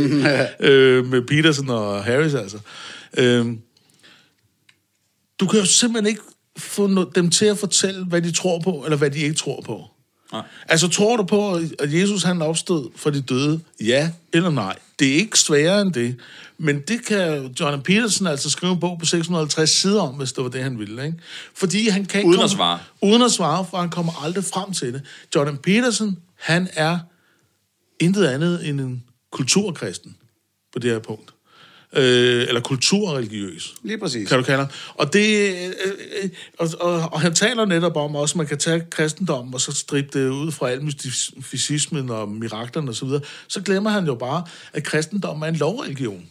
Og, og, og det, det, men, men, Så, men ja, altså, han er, han, han er, ligesom, han er sgu ligesom Torgild Gråsbøl, ikke? Præsten, der ikke men troede prøv at høre, der, der går du ind og siger, hvad kristendom er, og balladen Ja. er, det er jo det, man ikke kan. Og det her er nemlig det, Det farligste... Og jeg- bare lige for at slå af, Sam Harris, han, han misser det nemlig lidt, men Sam Harris er jo heller ikke vant til at tale med folk, med kulturkristne. Nej. Han er jo vant til at tale med hardcore, øh, Og her, her, er vi sådan set fundamentalistiske fremme, kristne. her er vi sådan set fremme ved det, som jeg tror er det allervigtigste at se ved, ved Peterson. Så den vil jeg gerne kommentere på, og så kommer jeg tilbage til det der med hans idé om, at, at det guddommelige har værdi for os. Øh, fordi det seneste, jeg læste på, er det her spørgsmål om, tror du på, at Jesus genopstod fra de døde? Som jo er kristendommens centrale kerne. Øhm, og det er jo der, hvor at, at, at Danmark er exceptionel, fordi her kan man kalde sig kristen, uden at tro på, at Jesus var Kristus. Hvilket er retorisk fucked up at sige. Men senest han er blevet spurgt om det her med øh, øh, genopstået Jesus, så har han sagt, I'm running up against the limits of my knowledge here. Hvor man er sådan... Altså, men han har også tidligere sagt, I'm unwilling to rule out the existence of life after death. I'm unwilling to rule out the idea of universal redemption and the defeat of evil. Mm. Øh, øh, han, han har sådan set faktisk talt sig selv ind i noget, som alle ateister godt ved. Mm. Din tro hviler på ønsketænkning. Fordi han har ikke Dødsangst. han er ikke run up against the limits of his knowledge, når det kommer til påstanden om, at Mohammed fløj til himmels på et, et klovdyr, mm. eller at Sai Baba bøjede skeer med viljens magt, eller lignende. Der ved Peterson godt, til trods for, at han ikke har endelig evidens på det, at det er vås. Når det kommer til Jesu opstandelse, så har han et ønske om, mm. at den er rigtig, så han nu har sparket den til hjørne ind til 2022 eller et eller andet. Det er muligvis ikke kun fordi, at hans ønsketænkning dominerer ham, det er muligvis også et spørgsmål om at sælge bøger. Ja, mm, ja det, men jeg tror altså, det viser bare selv, om du er dybt intellektuel og videnskabsmand og rationel og alt muligt andet, og hammerne dygtig og hammerne intelligent og alt muligt. Det kan være svært at klippe den der navlestreng der til ønsketænkningen. Altså den der dødsangst, ikke? Jeg tror, og det er det er derfor, når vi spørger danskere, den almindelige dansker, tror du på, er du ateist? Nej, det er jeg ikke. Jamen, tror du på Gud og mirakler og den slags? Nej, overhovedet ikke. Ja. De to ting hænger ikke sammen, men det er noget emotionelt, og det har vi jo snakket om før. Det er også der, vores bog hedder, du er jo ateist. Ikke? Og det burde man jo også sige til Jordan Peterson. Men- you men- are a fucking atheist, Ja, men, man. det er jo, men, men han, er jo ikke, han er jo ikke filosof. Han er ikke trænet i at prøve på at, at, at, at dele sine idéer op. Han er, jo, han, er jo, øh, han er jo trænet psykolog, han har undervist på universitetet, og så er han Det, det, det, det er øh, simpelthen... kliniker. Han har læst rigeligt, han har siddet og filosoferet rigeligt, og i dag får han måde, mange ja. penge for konstant at filosofere. ja, ja, men han er ikke tænker- trænet filosof, og det, jeg, jeg, jeg tror simpelthen... Han er da en trænet filosof på det her tidspunkt. Nej, der vil jeg jeg, sige- tror, der, jeg, jeg tror, der er, nogle, der, der er noget formalitet omkring filosofi, som, som, som jeg gerne vil give højere anerkendelse og, så end Nå, det. okay. Selvfølgelig han, man kan sige, hvis, hvis han så idéer, som, som resonerer øh, gennem tiden, så vil han jo før eller siden blive kendt som en filosof. Men, men jeg mener, at filosofien har en højere standard nu i, i forhold til at skille idéer. Åh, oh, det er sådan en appel til autoritet, det der. Jeg synes, vi tre er ganske udmærkede filosofer. Jamen, der, øh, i, altså- i højeste grad, øh, når vi kigger på vores idéer og prøver på at holde dem adskilt. Og det er han ikke særlig god til, fordi han er jo som kliniker måske mest af alt vant til bare at lytte til en person, som søger hans hjælp, og blive i, i, i- i den effekt, den samtale kan have. Og så er det jo, for ham kan man sige, bedøvende ligegyldigt, om guden findes eller ej. Men han, nogle gange så taler han med om guden, og nogle gange gør han ikke. Nej, men, men Jeg tror altså på, at og der synes jeg, det han ikke kan fuldstændig sig klart forkert på det. Mm. Altså, fordi det, han, er jo, han er jo den, der er på briksen, når han taler om sin tro. Ja, Og der er det, at han rambler. Og som Simon er inde på, han snakker udenom i øst og vest. Det er lidt ligesom de 20 minutter, jeg brugte på at prøve at få biskop Peter Fischer Møller til at sige, hvad han mener om Jesu opstandelse. Jeg var kun mere uvidende bagefter. Ja. Altså, og det er jo det der med, på et eller andet tidspunkt, så kommer Peterson mm, så kommer han til at skulle svare på det spørgsmål. Mm. Han kommer til at skulle erklære sin position og tage de tæsk, der kommer ved at svare på det spørgsmål. Uanset hvad han ender med at Det har- svare, så er der nogen, har- der vil have ham. Men han skal gøre det, for det er det, en hver modig ja. mand, mm. ifølge Peterson selv, mm. bør gøre for orden i dit hus. Finde ud af, hvad fuck du mener. Så han er fucking hyggelig, hyklerisk, når han ikke vil svare på det. Det er rigtigt. Ja, men må det ikke, han er kommet tættere på Gud nu, efter han har haft et eller andet sammenbrud og været på hospitalet? Måske Jo. eller længere men, fra, Men, men, men, øh, øh, men jeg vil bare lige sige med hensyn til det trænerfilosof og det, du siger, han skal tage testene for det. Altså, der er jo en anden podcast, vi ikke har snakket om, eller øh, debat, med, og det var jo, hvor han møder Matt Delahondi, hvor det er lidt mere hardcore, øh, findes Gud eller ej.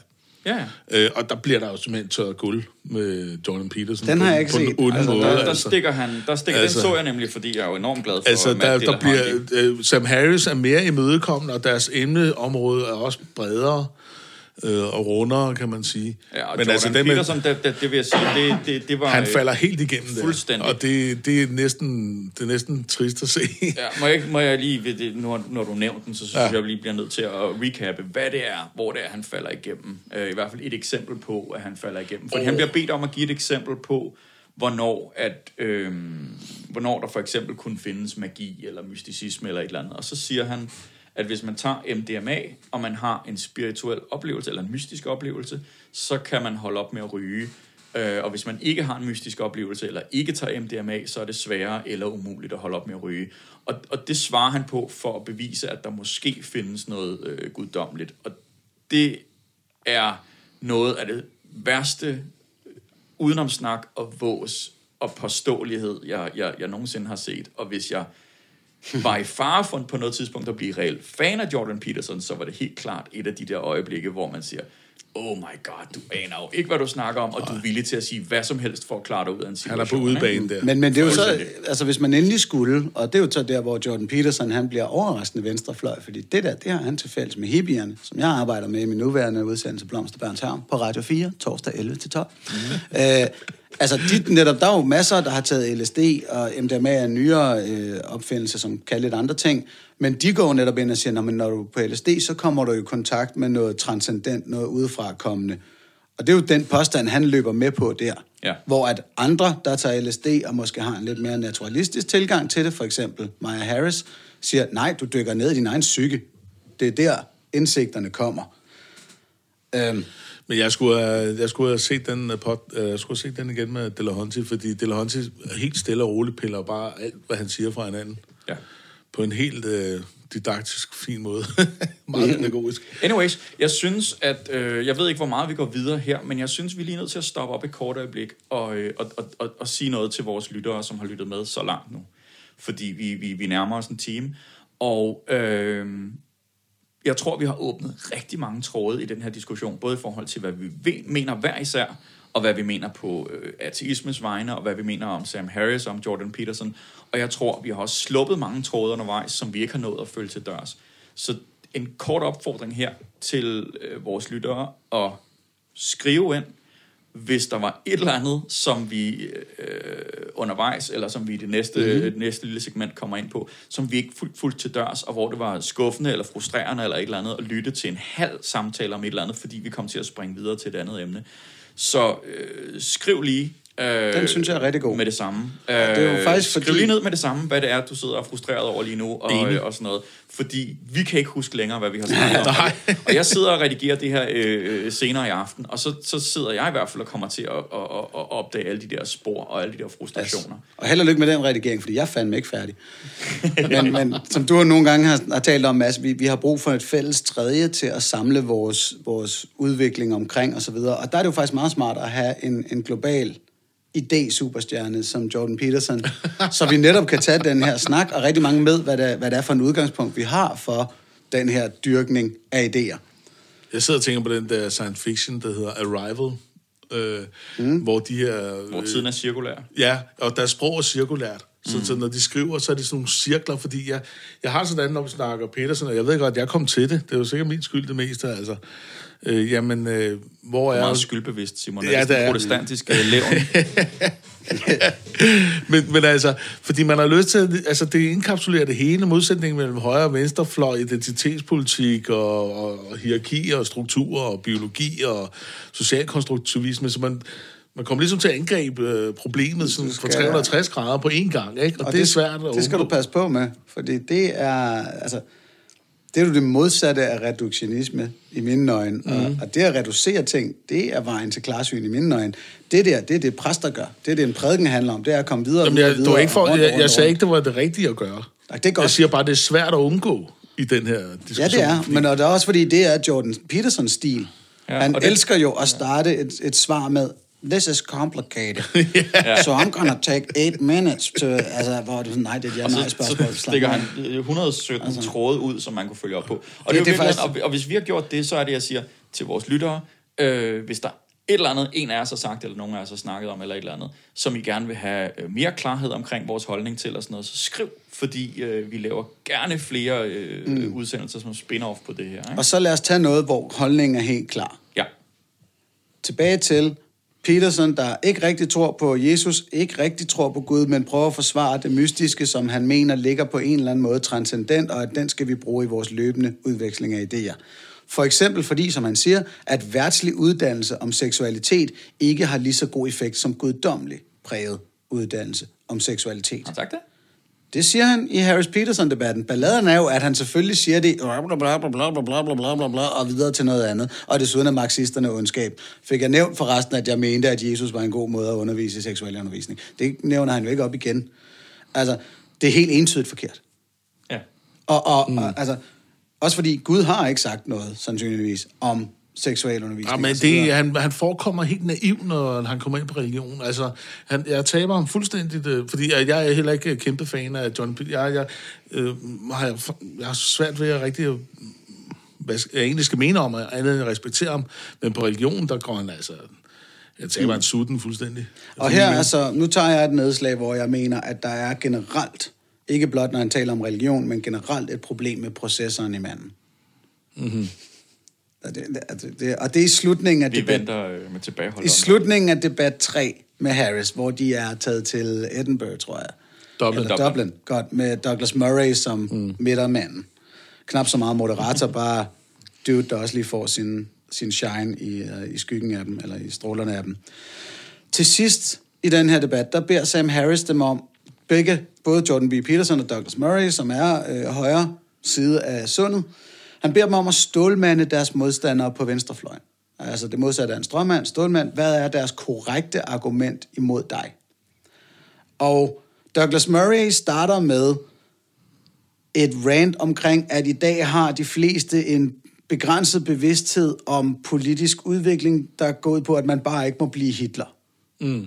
Stærk strømmand at åbne din stålmand på, ikke? Øh, og den, den, den, ja, det, han kommer ikke rigtig videre end det, at fordi de er skide bange for, at alle bliver Hitler, så kan de pludselig øh, tage så dårlige beslutninger, at de er gået den fascistiske vej. Jeg tror, det han tror er stålmanden i det, det er, at han, han, han siger, at det, det starter, det starter med, med en vigtig erkendelse, nemlig øh, nazismens forbrydelser. Det er en meget, meget lille stålmand. Jeg vil sige, det, det lever ikke op til en stålmand. Øh, men, men, det, altså, Men ja, det er godt sagt, helt rigtigt, at det er der, han starter med at sige, de er bange for, at jeg kan udvikle politik, der går i en fascistoid retning. Ja. Og så bruger han ellers rigtig meget tid på at understrege, at deres politik peger i en fascistoid retning. Ja, ja, så resten af tiden, så, så, så falder det helt, så bliver stålmanden til Okay. en stråmand. Ikke? Jeg var nemlig bange for, at jeg ikke forstod ordet stålmand. Jeg tænkte, hvor er stålmand henne i det der? Men, men jeg tænker bare, at jeg, som jeg lige tolker det, så er det bare det der med, at der er en tendens til, at folk bare trækker Hitlerkortet, ikke? Mm. Kalde Bush for Hitler, eller mm. Trump for Hitler.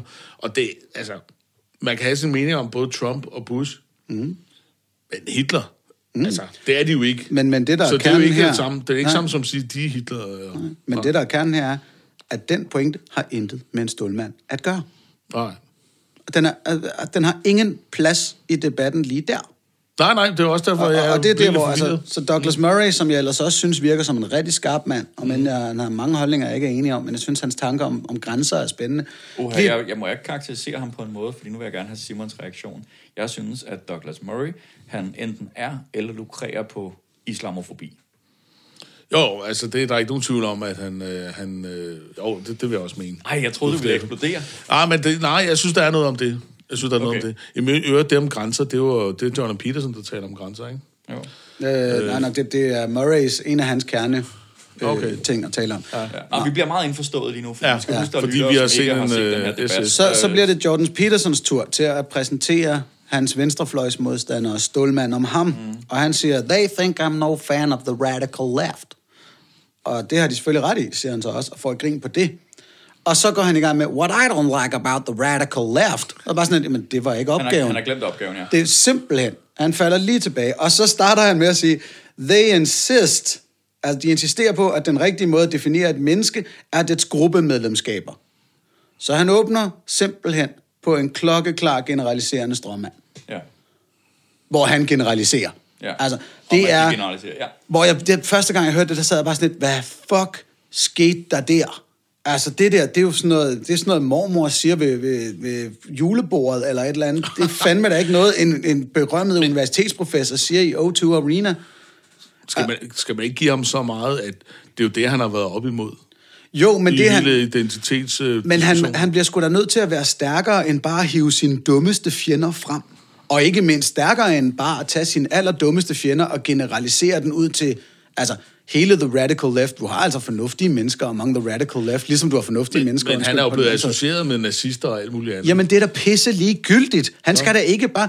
Altså, hvis du bliver spurgt om, Simon, hvad er folkekirkens mest fornuftige indsigelse Ja, ja, mod dig? Og du starter med at sige, Syrine Godfredsen har sagt det her, og blø, blø, blø, og det er hele Ja, men det folkekirken. nok. Han løser ikke så er du diskvalificeret. Ja, ja, jeg er enig. Jeg Ja, mener ja, det ja. lige der. Så er du kraftedeme diskvalificeret.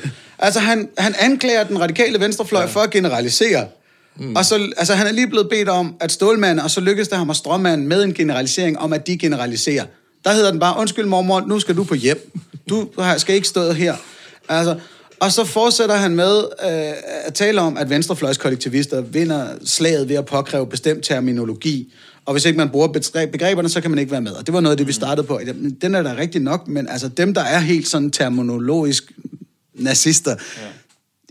Så meget fylder de heller ikke. Og det, er også, og, det, og det er ligegyldigt, fordi at din, det er. ja, pointe, din pointe med det der, hele det der eksempel, det behøver vi jo ikke pille hele eksemplet fra hinanden for at understrege, at, at han, det, det der jeg for lang tidligere, at Simon, eller prøvede at forlange, at Simon køber billet ind i diskussionen ved at anerkende det modsatte synspunkt på nogle præmisser, som det modsatte synspunkt vil kunne genkende sig selv i. Øhm, og som jeg også synes, du startede med. Og som Sam Harris i øvrigt også starter rigtig fint med i diskussionen nummer tre, som er en af dem, vi har set.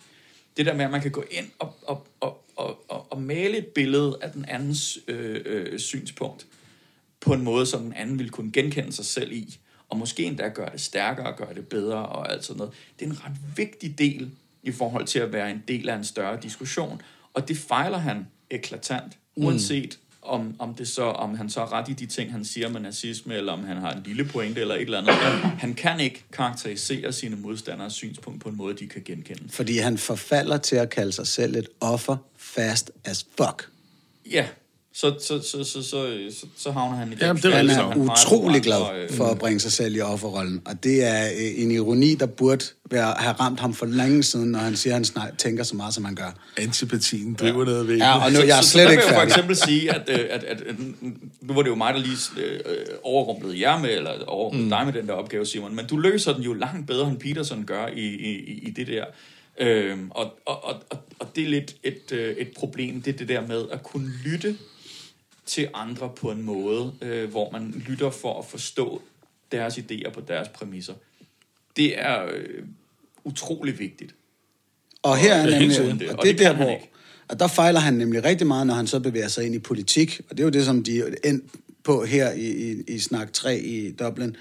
Altså, fordi så går han videre til, hvordan at han hypotetisk kunne være en nazist i de radikale venstrefløjsers øjne, hvor han så efter forsvarer sig mod den her hypotetiske nazi-anklage ved at nævne, at han i sine lectures taler imod nazisme. Og så siger han, ja, that's steelman number one. I'm not the kind of villain they think I am. Så bare, nej, det er ikke, ikke en stålmand stålmand. nummer et, det er strømmand nummer 10. altså, og, og der, der bliver jeg sådan helt, åh, ikke også? Og så går han videre til det der med, venstrefløjen har, har, venstrefløjen har en plads, har et formål, og, som vi også har været inde på i den her snak, ikke? Det er jo faktisk, altså der, der, der kommer han tættere på at stålmande. Han, det er ikke en stålmand, ja. det, er, det, det, det er en debatregel, øh, det bliver kaldt Rappaport's Rule. Øh, den har fire regler, og en af dem er, at man skal anerkende øh, øh, det, man kan lære, eller det, det, noget, noget væsentligt ved den andens synspunkt. Ja. Det er egentlig sjovt, fordi han taler jo det samme sted om, hvordan børn leger. Øh, og at de øh, tager nogle roller og er uenige om noget, men så lytter de lærer faktisk at lytte til hinandens synspunkt. Jeg vil det her, fordi sådan og sådan, jeg vil det her, fordi sådan og sådan. Og så aftaler de, hvordan det skal være, og så leger de lejen. Ja. Men det kan han altså ikke selv, Nej. når han er... Nej. På så. trods af, at han jo ellers, fordi det han siger med børnene, det er, at det er den her underliggende subordinate guddommelighed, der gør, at børnene ender med at fungere. Mm. Så den hjælper ikke rigtig ham. Nej. Så, til, øh, så tilbage til, til, til, til Stålmanden. Anders, hvad er det Jeg er slet ikke væsentligste bidrag fra Jordan Peterson? Jamen nej, det, det der gider jeg ikke noget af endnu, fordi det, det startede vi med. Men du har en lang liste. Jeg har set den, Anders. Den er jo meget lang. Nej, nej, men jeg Hvor lang er den? Hvor lang hvor er der Det her er vi færdige med, fordi det her, vores Harris også skuffer mig. Okay. Fordi den- efter den det her forfærdelige shit, så, Så følger Douglas Murray op med at sige, ja, og hvis man bare er lidt mere til højre, end at man ønsker lavere skatter, så anser venstrefløjen en som en nazist. Og så klapper, altså det lyder som om hele O2 Arena klapper. Mm. Det kan jeg godt genkende. Det, det, jeg kan godt forstå, hvad det er, de klapper af. Jeg synes, at jeg, jeg oplever helt klart, at der bliver lavet, der bliver lavet en række lighedstegn øh, mellem almindelige anerkendelse af konservatisme til konservatisme til fascisme og til, til, til nazisme. Øhm, I måske ikke sådan en større filosofisk diskurs eller, øh, eller et eller andet, men i utrolig mange af alle de der små diskussioner, hvor folk prøver på at finde ud af, hvem de hader. Mm. Øhm, det kan jeg sagtens genkende. At vi strøger om os med, med, med nazistanklager. Men du gør ikke, Anders. Du, altså, det, Du gør ikke. Nej, men hvem? Så, altså hvem på sådan højere op i hierarkiet? Men jeg siger, jeg siger ikke nødvendigvis, folk højere op i hierarkiet gør det. Godt, fordi det er dem, jeg synes, man bør diskutere med. Selvfølgelig. Jeg ved ikke, Altså, jeg fordi synes... ellers så øh, er det, man bare hiver øh, Men du skal tænke på, at dem, der sidder inde i frem. O2 Arena, de har måske diskussioner, øh, utrolig mange diskussioner, sikkert på Facebook, og det er sikkert en fejl at have det, men det har de øh, med folk, som er et eller andet sted Godt. på den yderste venstre Altså, fløj, jeg synes, den og der- som laver det der... Men lad os lige holde fast i, det vigtige er, er der officielle debattører, der gør det. Ja, altså, Godt, der, vi havde fordi den, så lad os gå videre til to officielle debattører, der gør det. Jamen, jeg vil bare gerne lige nævne en tendens, altså, den der antiracisme-politikkampagne, der var, som folk kunne melde sig ind i her Hvem var det? omkring valget. Jamen, det var jo folk på venstrefløjen, så, altså, som gik med i sådan en kampagne om, at, at de, de var antiracister, ikke? Det vel ikke Hvilket det jeg synes er komplet idiotisk. Altså, det er vi jo alle sammen. Jeg, jeg, altså, jeg går ikke rundt der og roser mig for at være et godt menneske, fordi jeg ikke er racist. Nej, det er jo Altså, nogen, jeg der, der, der ligesom peger på en tendens ved noget politik, hvor de siger, at det er rigtig Det er det, vigtigt at være i modstand til Det er det. det, jeg mener. Og det er jo for Og så eksempel snart det... du går ind for lavere skat, så er du racist, ikke? Det er jo, det, det er jo, det er nogle, der er jo nogle af dem, der gør sig skyldige. Nej, jeg tror, det er, når du går ind for at tage statsborgerskabet fra øh, børn af en anden Jeg hudfarve. karikerede det en lille smule. Ja, men okay, jeg, ja, det gjorde men, du. Men, Men lad os gå videre til to officielle Ja, debattører, der, der gør præcis det, som, mm. som vi ikke bryder os om her. Okay. Fordi Douglas Murray og Jordan B. Peterson fortsætter så med ligesom at sætte lighedstegn mellem kommunist og fascist. Altså, hvor de snakker om, der er en, der er en kvinde, han henviser til en eller anden kvinde, der var i en debat, hvor hun siger, I'm a communist. Og han siger, she might as well say she's a fascist. Så øh, nej. Den ideologi har sgu da ikke nødvendigvis noget med fascisme at gøre. Hvad er det for et fucked up lighedstegn, du sætter? Og det er det lighedstegn, de ikke bryder sig om, at folk ude på venstrefløjen sætter mellem for eksempel en, der ønsker lavere skat, og nazist. Øh, øh, men hvor vi så snakker om, der er ikke, det er ikke fordi, at det var Pelle Drejsted... det eksempel. Det var ikke sådan, jeg forstod det. Jeg forstod det som, at, øh, at, at han ser det som... Han ser, at, at kommunisme har meget blod på hænderne, nazismen har meget blod på hænderne, men at kalde sig selv øh, nazist i en offentlig debat, så er man ude. Man kan kalde sig selv kommunist, og det er der ingen, der ændrer. Ja. Og, og det er der en pussy forskel, som er værd at lægge mærke til i hvert fald. Fordi, jamen altså, så jeg ser det som, at, at en nazist er en fascist. Det er en person, der ønsker det, den form for styre, du som ved der godt, er at der. nazisterne var ræve røde, ikke også? Jo, jo, altså er nationalsocialister. national- Ja, ja, men, men, bla, bla, bla. men det vi forbinder, det vi forbinder, når man, siger spiller, historikeren ikke ja til. Når man spiller Secret Hitler, så er det for at opdage fascisterne. Når man er en nazist i dag, så er det fordi, man ønsker en eller anden form for, for stærkmandsstyre igen. Ja. Mm. Når man er kommunist i dag, så er det ikke fordi, man ønsker sig et stærkmandsstyre. Er vi Nu, nu enige? generaliserer du igen. Nå, men det er bare lige for at høre, Der er der mange, der gerne vil tilbage til det gode gamle. er der mange nazister, der ikke vil have stærkmandsstyre? Nej, Nej. Er der nogle kommunister, der ikke vil have stærkmandsstyre? mange eller nogen. Jeg gætter mange. Jeg tror meget, meget få ønsker stalinisme. Der er ikke særlig mange, der kalder sig kommunister, eller? De kalder sig socialister, gør de ikke? Øh, det gør de så også, men nu er det for, at der er nogen, der kalder sig kommunister, og de, dem, jeg kender, der kalder sig kommunister, de er ikke stalinister. Altså, men kan det ikke, men det, kan det, ikke, det, kan det ikke være et omvendt produkt?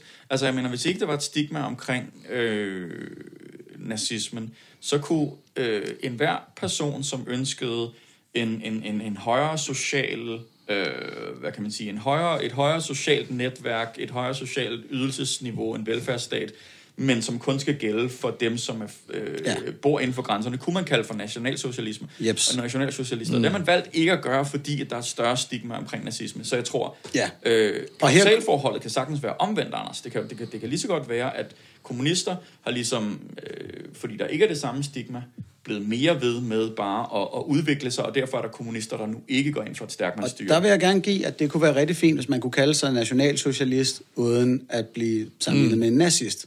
Det er så også faktisk det... også derfor, vi har et socialistisk, nationalistisk parti, som mm. holder rigtig højt fast i, at vende det den vej rundt, når de siger socialistisk, nationalistisk, når Dansk Folkeparti kalder sig ja, det. Ja. Det er rigtig vigtigt, fordi så er man bare en Sony, det er noget helt andet. Nå, men altså, det, det det samme stram kurs, de er jo heller ikke strengt højreorienteret i alle mulige økonomiske politikker. Nej, men, men lidt mere. Men det er bare lige for at sige, at, at ja, man skal være velkommen til at være en socialistisk nationalist, uden at kalde sig nazist. I det øjeblik, man kalder sig nazist, så er det fordi, man ønsker stærkmandsvældet. Men en kommunist er en person, ja. der, der ønsker for eksempel equality of outcome men uden at ønske tyranni ja. og fascisme. Ja, men altså, det kan jo ikke gennemføres, uden at du for eksempel nationaliserer virksomhederne og sådan noget. Ja, men det er og det er jo så nogen, der skal besidde og bestemme, ikke? Ja, og, ja. Og, og, og, og så kan man sagtens sidde og sige, jamen prøv at høre, det du ønsker er utopisk. Mm. Det er sgu ikke det samme som, at du faktisk ønsker fascisme, som en nazist gør. Nej, nej, ønskerne, ønskerne der ligger i nazismen, er under, øh, øh, det vil blive meget, ja, de meget subjektivt, men de er underere end ønskerne, der ligger i kommunismen. Og det kan man jo sådan tænke sig frem til at have en dyb tanke omkring. Jo, jo. Og sådan noget. Men ligesom og jeg du sagde bare, for... det er den tanke, som, som, som, som han så ikke har gjort, når han bruger det eksempel. Han bruger det bare som et eksempel på, at der er et stigma for højrefløjen, som der ikke er for venstrefløjen. Og den ulighed klynker han lidt over. Og der kan jeg godt følge ham. Altså, øh... Men prøv lige at følge hans argumentation, mens han påpeger den. Jamen, altså... Jeg tror bare, det eksempel handler om at, på, at påpege, at der er et, et, et, et stigma øh, i, på højrefløjen, som der ikke er på venstrefløjen. Det tror jeg sådan set det eneste, øh, ja, men det tror han, jeg... han bruger det til. Så, så elaborerer han lidt og, og, og, og, og snakker... Nu virker det som om Peterson og Peterson. Altså nu tager I den lange tur ude for... Nej, altså, men altså... altså der er flere gange, han slår jeg, ned jeg, på det her. Jeg, jeg prøver bare på at lytte, hvad kan man sige, generously øh, til, hvad det egentlig er, der bliver sagt. Øh, hvad, hvad hensigten er med at sige det. Og jeg tror, det, det er i hvert fald mit bedste bud på, hvad hensigten var med at, at sige det der. Øh, og så, så stikker han lidt af ud i, i, i, i nogle kausalforhold, som jeg ikke kan tilslutte mig, men, men at, at, at se et større stigma på højrefløjen end på venstrefløjen, kan jeg genkende i hvert fald. Fint, og det, er måske, fint, måske fint. er det bare derfor, det er det, jeg tror, han mener. Fordi jeg kan genkende ja, så, så, så, så lad være, så lad være, være der nøjes med det her. Det er satan nede med en klodset måde at præsentere dit synspunkt på. Det er rigtigt. Og stå og sige, altså, when somebody says they're a communist, do you punch them? Because that's what you do with a Nazi. Jeg har svært ved at se andet, end at det er meget tæt på et lighedstegn. Jamen altså, jeg synes også, det er åndssvagt. Han skal jo tale om, hvad han selv mener og går ind for, i stedet for at tale om andre... Øh. Og det han mener men kan, er, kan... i det, som han også siger, mm. en, i det øjeblik, du siger, I'm for equality of outcome, mm. how about no? Bare sådan et, altså han ser det, undskyld, det er sådan, som jeg, det, det måske siger... tolker jeg for der præsenterer han det som et lige så absurd synspunkt, som at være nazist. Øh, ja, jeg synes, du trækker den lidt langt, men det er klart, han er ikke, han er ikke socialist, sådan som du er. Det er han i hvert fald ikke. Nej, det, men altså, det er da ikke det, det handler om. Det her nej, handler om hans, hans syn på kommunisme. Og okay, så lad os... Ja, men han, men han mener, at kommunisme og nazisme er, er to en stykke. For han taler om... Han, tak, fordi det var ikke der, du var vel, Mads. Nej, men han sammenligner ikke alle ikke, mennesker, men han taler, han taler jo om, at... Øh, jeg er enig med, med, med Mads i det her. Og, og, og jeg, mener, jeg er enig med, med, med dig i, altså, med, at altså, for ham er kommunismen næsten lige så slem som nazismen. Og vi skal lige huske på, at Hitler han er altså kun nummer tre på listen over, hvem der har slået flest ihjel. Mao og Stalin, de er ovenover. Det skal vi lige huske på. Det gjorde det, det på en underlig måde. Det er et spørgsmål om adgang. Ja, ja. Ja, ja, og hvor meget tid man har haft til det, og så videre. Men altså, det er klart, nazismen er det, det underste eksempel, vi har, men det er bare for at sige, øh, jeg mener i dag, at der er et problem på venstrefløjen i forhold til at, at anerkende, at de også har et problem med fascistiske tendenser på venstrefløjen. Kan vi ikke kalde det totalitære tendenser? Jo, totalitære øh, tendenser. Fascistiske, altså, Det er det samme. Øh, jamen, fascistisk er bare associeret med højrefløjen, så jeg, men, men det, der er til fælles, er det totalitære. Ja, det vil, jo, det vil jeg gerne købe. Det er næsten lidt synd nu, hvor vi egentlig er enige om, at, at fascisme sagtens kan komme. Er det rød? Men ja, det er totalitære. Mm. Når der står nogen og råber ingen racister i vores by for at demonstrere imod dem, der demonstrerer imod en Hizb ut-Tahrir-demonstration, mm. så har man noget forvirring omkring det. Men, men altså, Men det er bare altså- for at sige, at øh, jeg er sådan set enig med dig i, at det er hans synspunkt på kommunisme. Øh, men jeg tror bare, at du trækker lidt for langt, i, at han ligesom generaliserer alle til så at, at være lige så slemme som nazisterne eller sådan et eller andet. Det, det, Der, det, så der hører jeg ham ikke helt sådan. Så rækker jeg ham det ben, at han bare er ekstremt dårlig til at komme med det synspunkt, og det er især skidt, når det kommer direkte i forlængelse jeg af hørte ham bare- Ja, men- mangelfulde stående. Ja, fordi at jeg hørte som, at han taler om, at vi bliver for hurtige til at trække de der kort og til at sætte de der etiketter på hinanden, og så gør han nøjagtigt det samme selv. Ja, tak. Ja. Ja. Og det er jo det, vi lige kom fra. Jamen, Ja. ja. hvornår er det en officiel debattør, en officiel, mm. altså en, en, en profil på højre- eller venstrefløjen, der kommer med den der sindssyge sammenligning? Og jeg har ikke hørt nogen komme i nærheden af så klodset en sammenligning, som Douglas Murray og Jordan B. Peterson ja. kommer med der. Og der, Jeg der er kan ikke- vi måske altså- komme ind på noget, som, som, som jeg havde tænkt på, man måske skulle komme ind på. Når nu vi snakker om Jordan Peterson, og jeg har for eksempel været så uheldig, så jeg har ytret mig relativt sympatisk over for hans, mange af hans projekter, dannelsesprojektet og alle sådan nogle ting. Og lytter måske meget, lidt for gavmildt til, til nogle andre ting, han siger, og laver en gavmild tolkning af det. Så lad mig sige, hvad jeg ser som hovedproblemet, og jeg tror, det kan overføres direkte på det, du ser som hovedproblemet. Øhm, det er desværre et hovedproblem, som, som, som jeg også kan genkende i noget af Harris arbejde, og sådan set også i Hitchens arbejde. Og det er, øh, hvad er det, der kommer øh, ud af det? Når jeg finder små tidbits af, af, af Jordan Peterson interviews og samtaler, så er det altid øh, annonceret af den YouTuber, der poster det, som Jordan Peterson destroys an SJW, mm. øh, identitarian, mm. socialist, øh, apologist. Øh. Det er altid meget, meget tydeligt farvet af, at her er der nogen, der tror, eller øh, oplever, at Jordan Peterson på deres vegne smadrer et eller andet øh, pladerhumanistisk venstrefløjsprojekt. Øh, og at det er derfor, han gør det, og at det er helt klart i hvert fald det, de får ud af det. Øh, så så, så, så for, for dem bliver han en form for kriger, der retfærdiggør deres måske lidt mere smålige projekt, hvor jeg ser Jordan Petersons større projekt, udover måske, som du siger, at tjene penge til Jordan Peterson, det har vi alle sammen lov til at gøre, øh, så ser jeg hans større projekt som mere undersøgende, mere filosofisk, mere anerkendende over for forskellighed og alt sådan noget, mens rigtig mange af hans fans, de kan bare ikke lide muslimer, de kan bare ikke lide venstrefløjen. Og der, der, der, der synes jeg, vi lander lidt et, et, et sted, hvor at det er et problem, at man siger ting, og man gør ting på en måde, der er så nemt at citere og adskille fra den måde, man gør det på, som er måske god, øh, til at man, man, man, man havner med nogle hårdt slående, øh, øh, forsimplede øh, konklusioner, som ens fans så kan løbe rundt og råbe og skrige om. Ikke? Øh, og og, og, og jeg, jeg, jeg synes, det har været så ærgerligt at se, at Hitchens eftermæle for eksempel bare er blevet islamkritisk. Altså, øh, de fleste af de øh, videoer, man finder af ham, det er jo, hvor han, så, så, så siger han et eller andet om islam, og så, så sidder der en eller anden øh, nationalkonservativ øh, YouTuber og siger, ja, Hitchens destroys islam, øh, islam apologists og, og alt sådan noget. Ikke? Når vi måske har lyttet til hans, øh, hele hans virke og set, der er nogle nuancer, der er en, der er en væsentlighed i tilgangen til det, der er en, der er en gavmildhed, der er en nysgerrighed, der er alt muligt. Og det vi står tilbage med, det er bare øh, dybt problematisk. Og så ser vi på Jordan Peterson, og så synes jeg bare, at ser den samme effekt, bare endnu værre. Han gør det intellektuelt nemt for folk at være ude på den ekstreme højrefløj. Og det kan godt være, at han ikke selv er ude på det. Det kan godt være, at han ikke selv tilhører den ekstreme højrefløj. Men han bør tage et ansvar for, at det er sådan, han bliver brugt. Mm-hmm. Rimer det nogenlunde på det, som er din kritik, Anders? Øh, nej. Nej. Men det, den er fin. Okay. Det, der er min kritik, det er en rendyrket kritik af hans filosofiske formåen og processerkraft.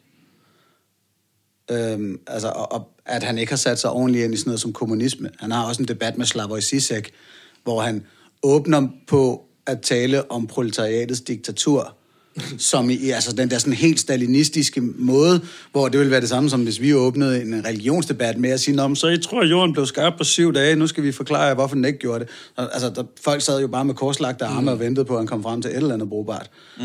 Øh, Ja, det, det var ikke særlig heldigt. Altså, jeg, jeg vil sige, Jordan B. Peterson, som du sagde før, han har været i sin egen boble. Han er enormt dygtig på sit felt. Han har haft enormt øh, succes med sine bøger og hans øh, YouTube-ting.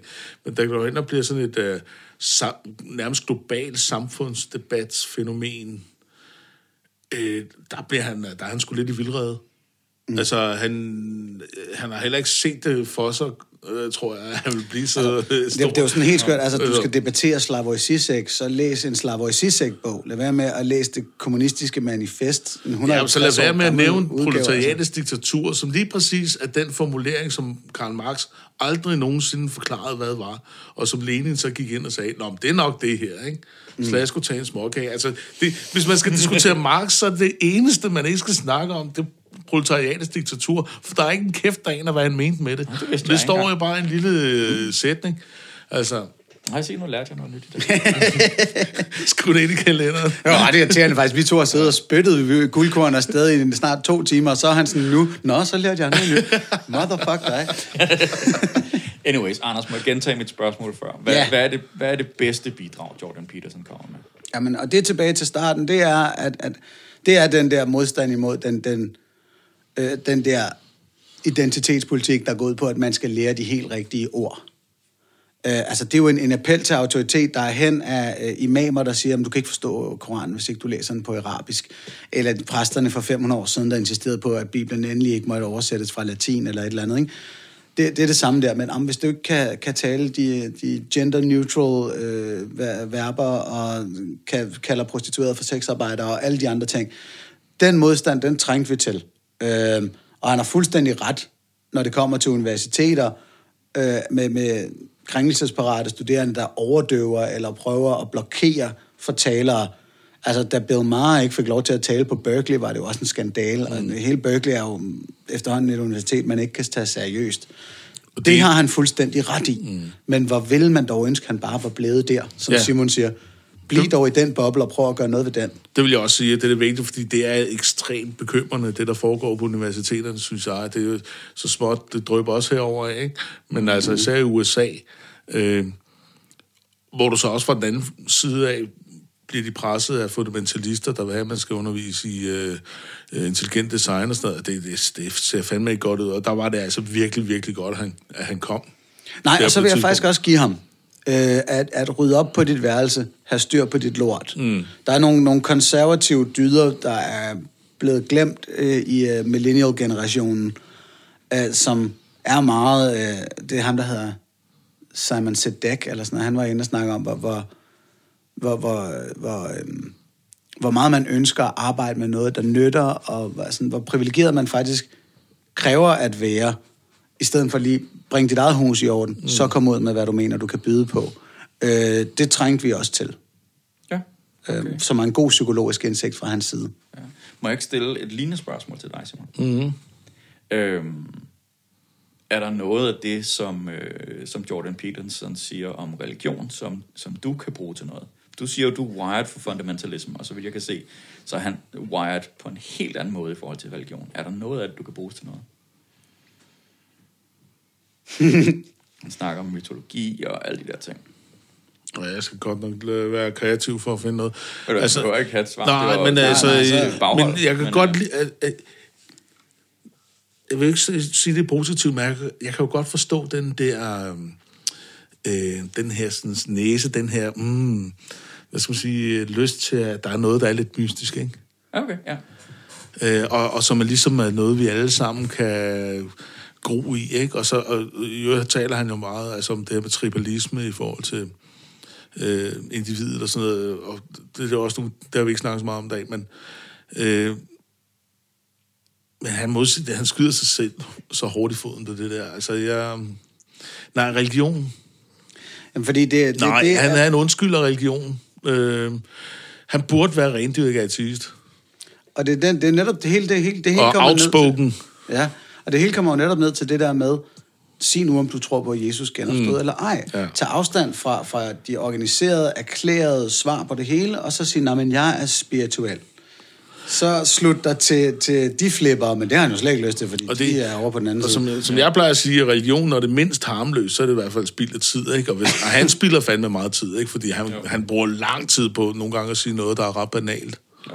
Men, men der er kernen, tror jeg også, at vores bekymring er, at nu kan han sprede den her nye forståelse af kristendommen, hvor man ikke længere tror på, at Jesus var Kristus. Altså, det er en total redefinering af religionen, som mm. ellers kun hersker her i, i Skandinavien. Og, og nu risikerer vi, at den spreder sig. Og så bliver, altså, og det spørgsmål, hvad der så sker, når kristendommen bliver så udvandet en størrelse, at den blot er en, skulle man sige, værtslig, sekulær idésamling med muligvis et lille bitte, bitte, bitte guddommeligt appendix nedenunder, fordi det er sådan, vi har fundet dem, eller et eller andet. Ja. Øhm, det er selvfølgelig klart, så vil homoseksuelle i kristne miljøer få det bedre, men til gengæld vil det være sværere for folk til bare at tage afstand fra hele idésamlingen mm. som flok og finde noget andet. Ja. Nå, nu vil jeg lige stille mig selv det samme spørgsmål, bare for sjov. Nå ja, undskyld, vi spørger slet ikke til dig. tak fordi I spurgte. Øhm, nej, det er, jo selvfølgelig, fordi jeg sidder på en her. Øhm, jeg synes, noget af det væsentligste øh, ved den tankegang, øh, som han præsenterer i hvert fald, det er det der med at se på samfundet som værende en, en, en, en, en lang konstant. Og, at, at, og, og det er jo i forlængelse af det der med at rydde op på sit værelse og alt sådan noget. Fordi pointen med det er jo ikke, at man skal rydde op på sit værelse, nødvendigvis. Men det handler om at, og ikke tro, at man kan gå ind øh, og lave om på, på, på, på samfundet på én gang. Man skal lave om på tingene meget forsigtigt og lidt ad gangen.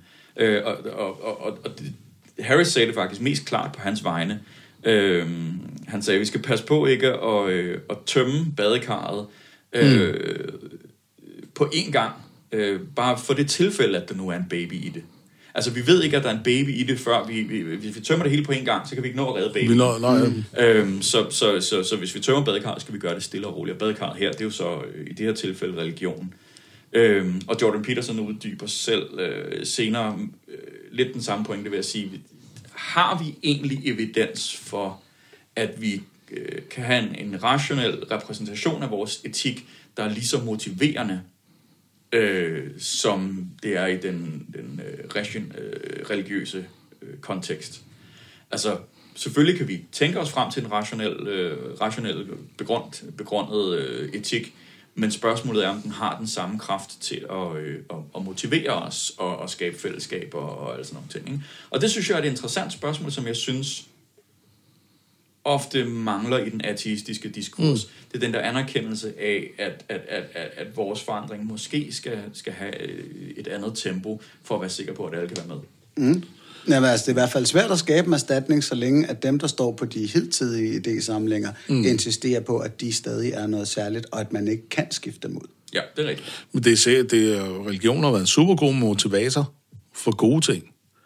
Det kommer bare med en meget, meget høj pris, for hvis du gør regnestykket op, mm. så er der altså røde tal på bundlinjen, hvis jeg må sige det sådan, ikke? Altså fordi, at øh, øh, hvad- hvad- hvad der siger, at øh, religiøse mennesker gør gode og dårlige ting. Ikke-religiøse mennesker gør gode og dårlige ting. Men øh, for en ikke religiøs, nej, altså for at et, et godt menneske skal gøre dårlige ting, så kræver det faktisk religion, ikke? Jo. Så Eller noget ligesom religion, Ja. for øh, at få kommunismen med ind under det der. Og så vil jeg bare lige understrege en ting, da jeg startede med at lægge ud med at sige, at Jordan B. Peterson er konservativ, så er det ikke bare sådan i forhold til at være gammeldags. Jeg taler om den konservative ideologi, og det er det, du taler om nu.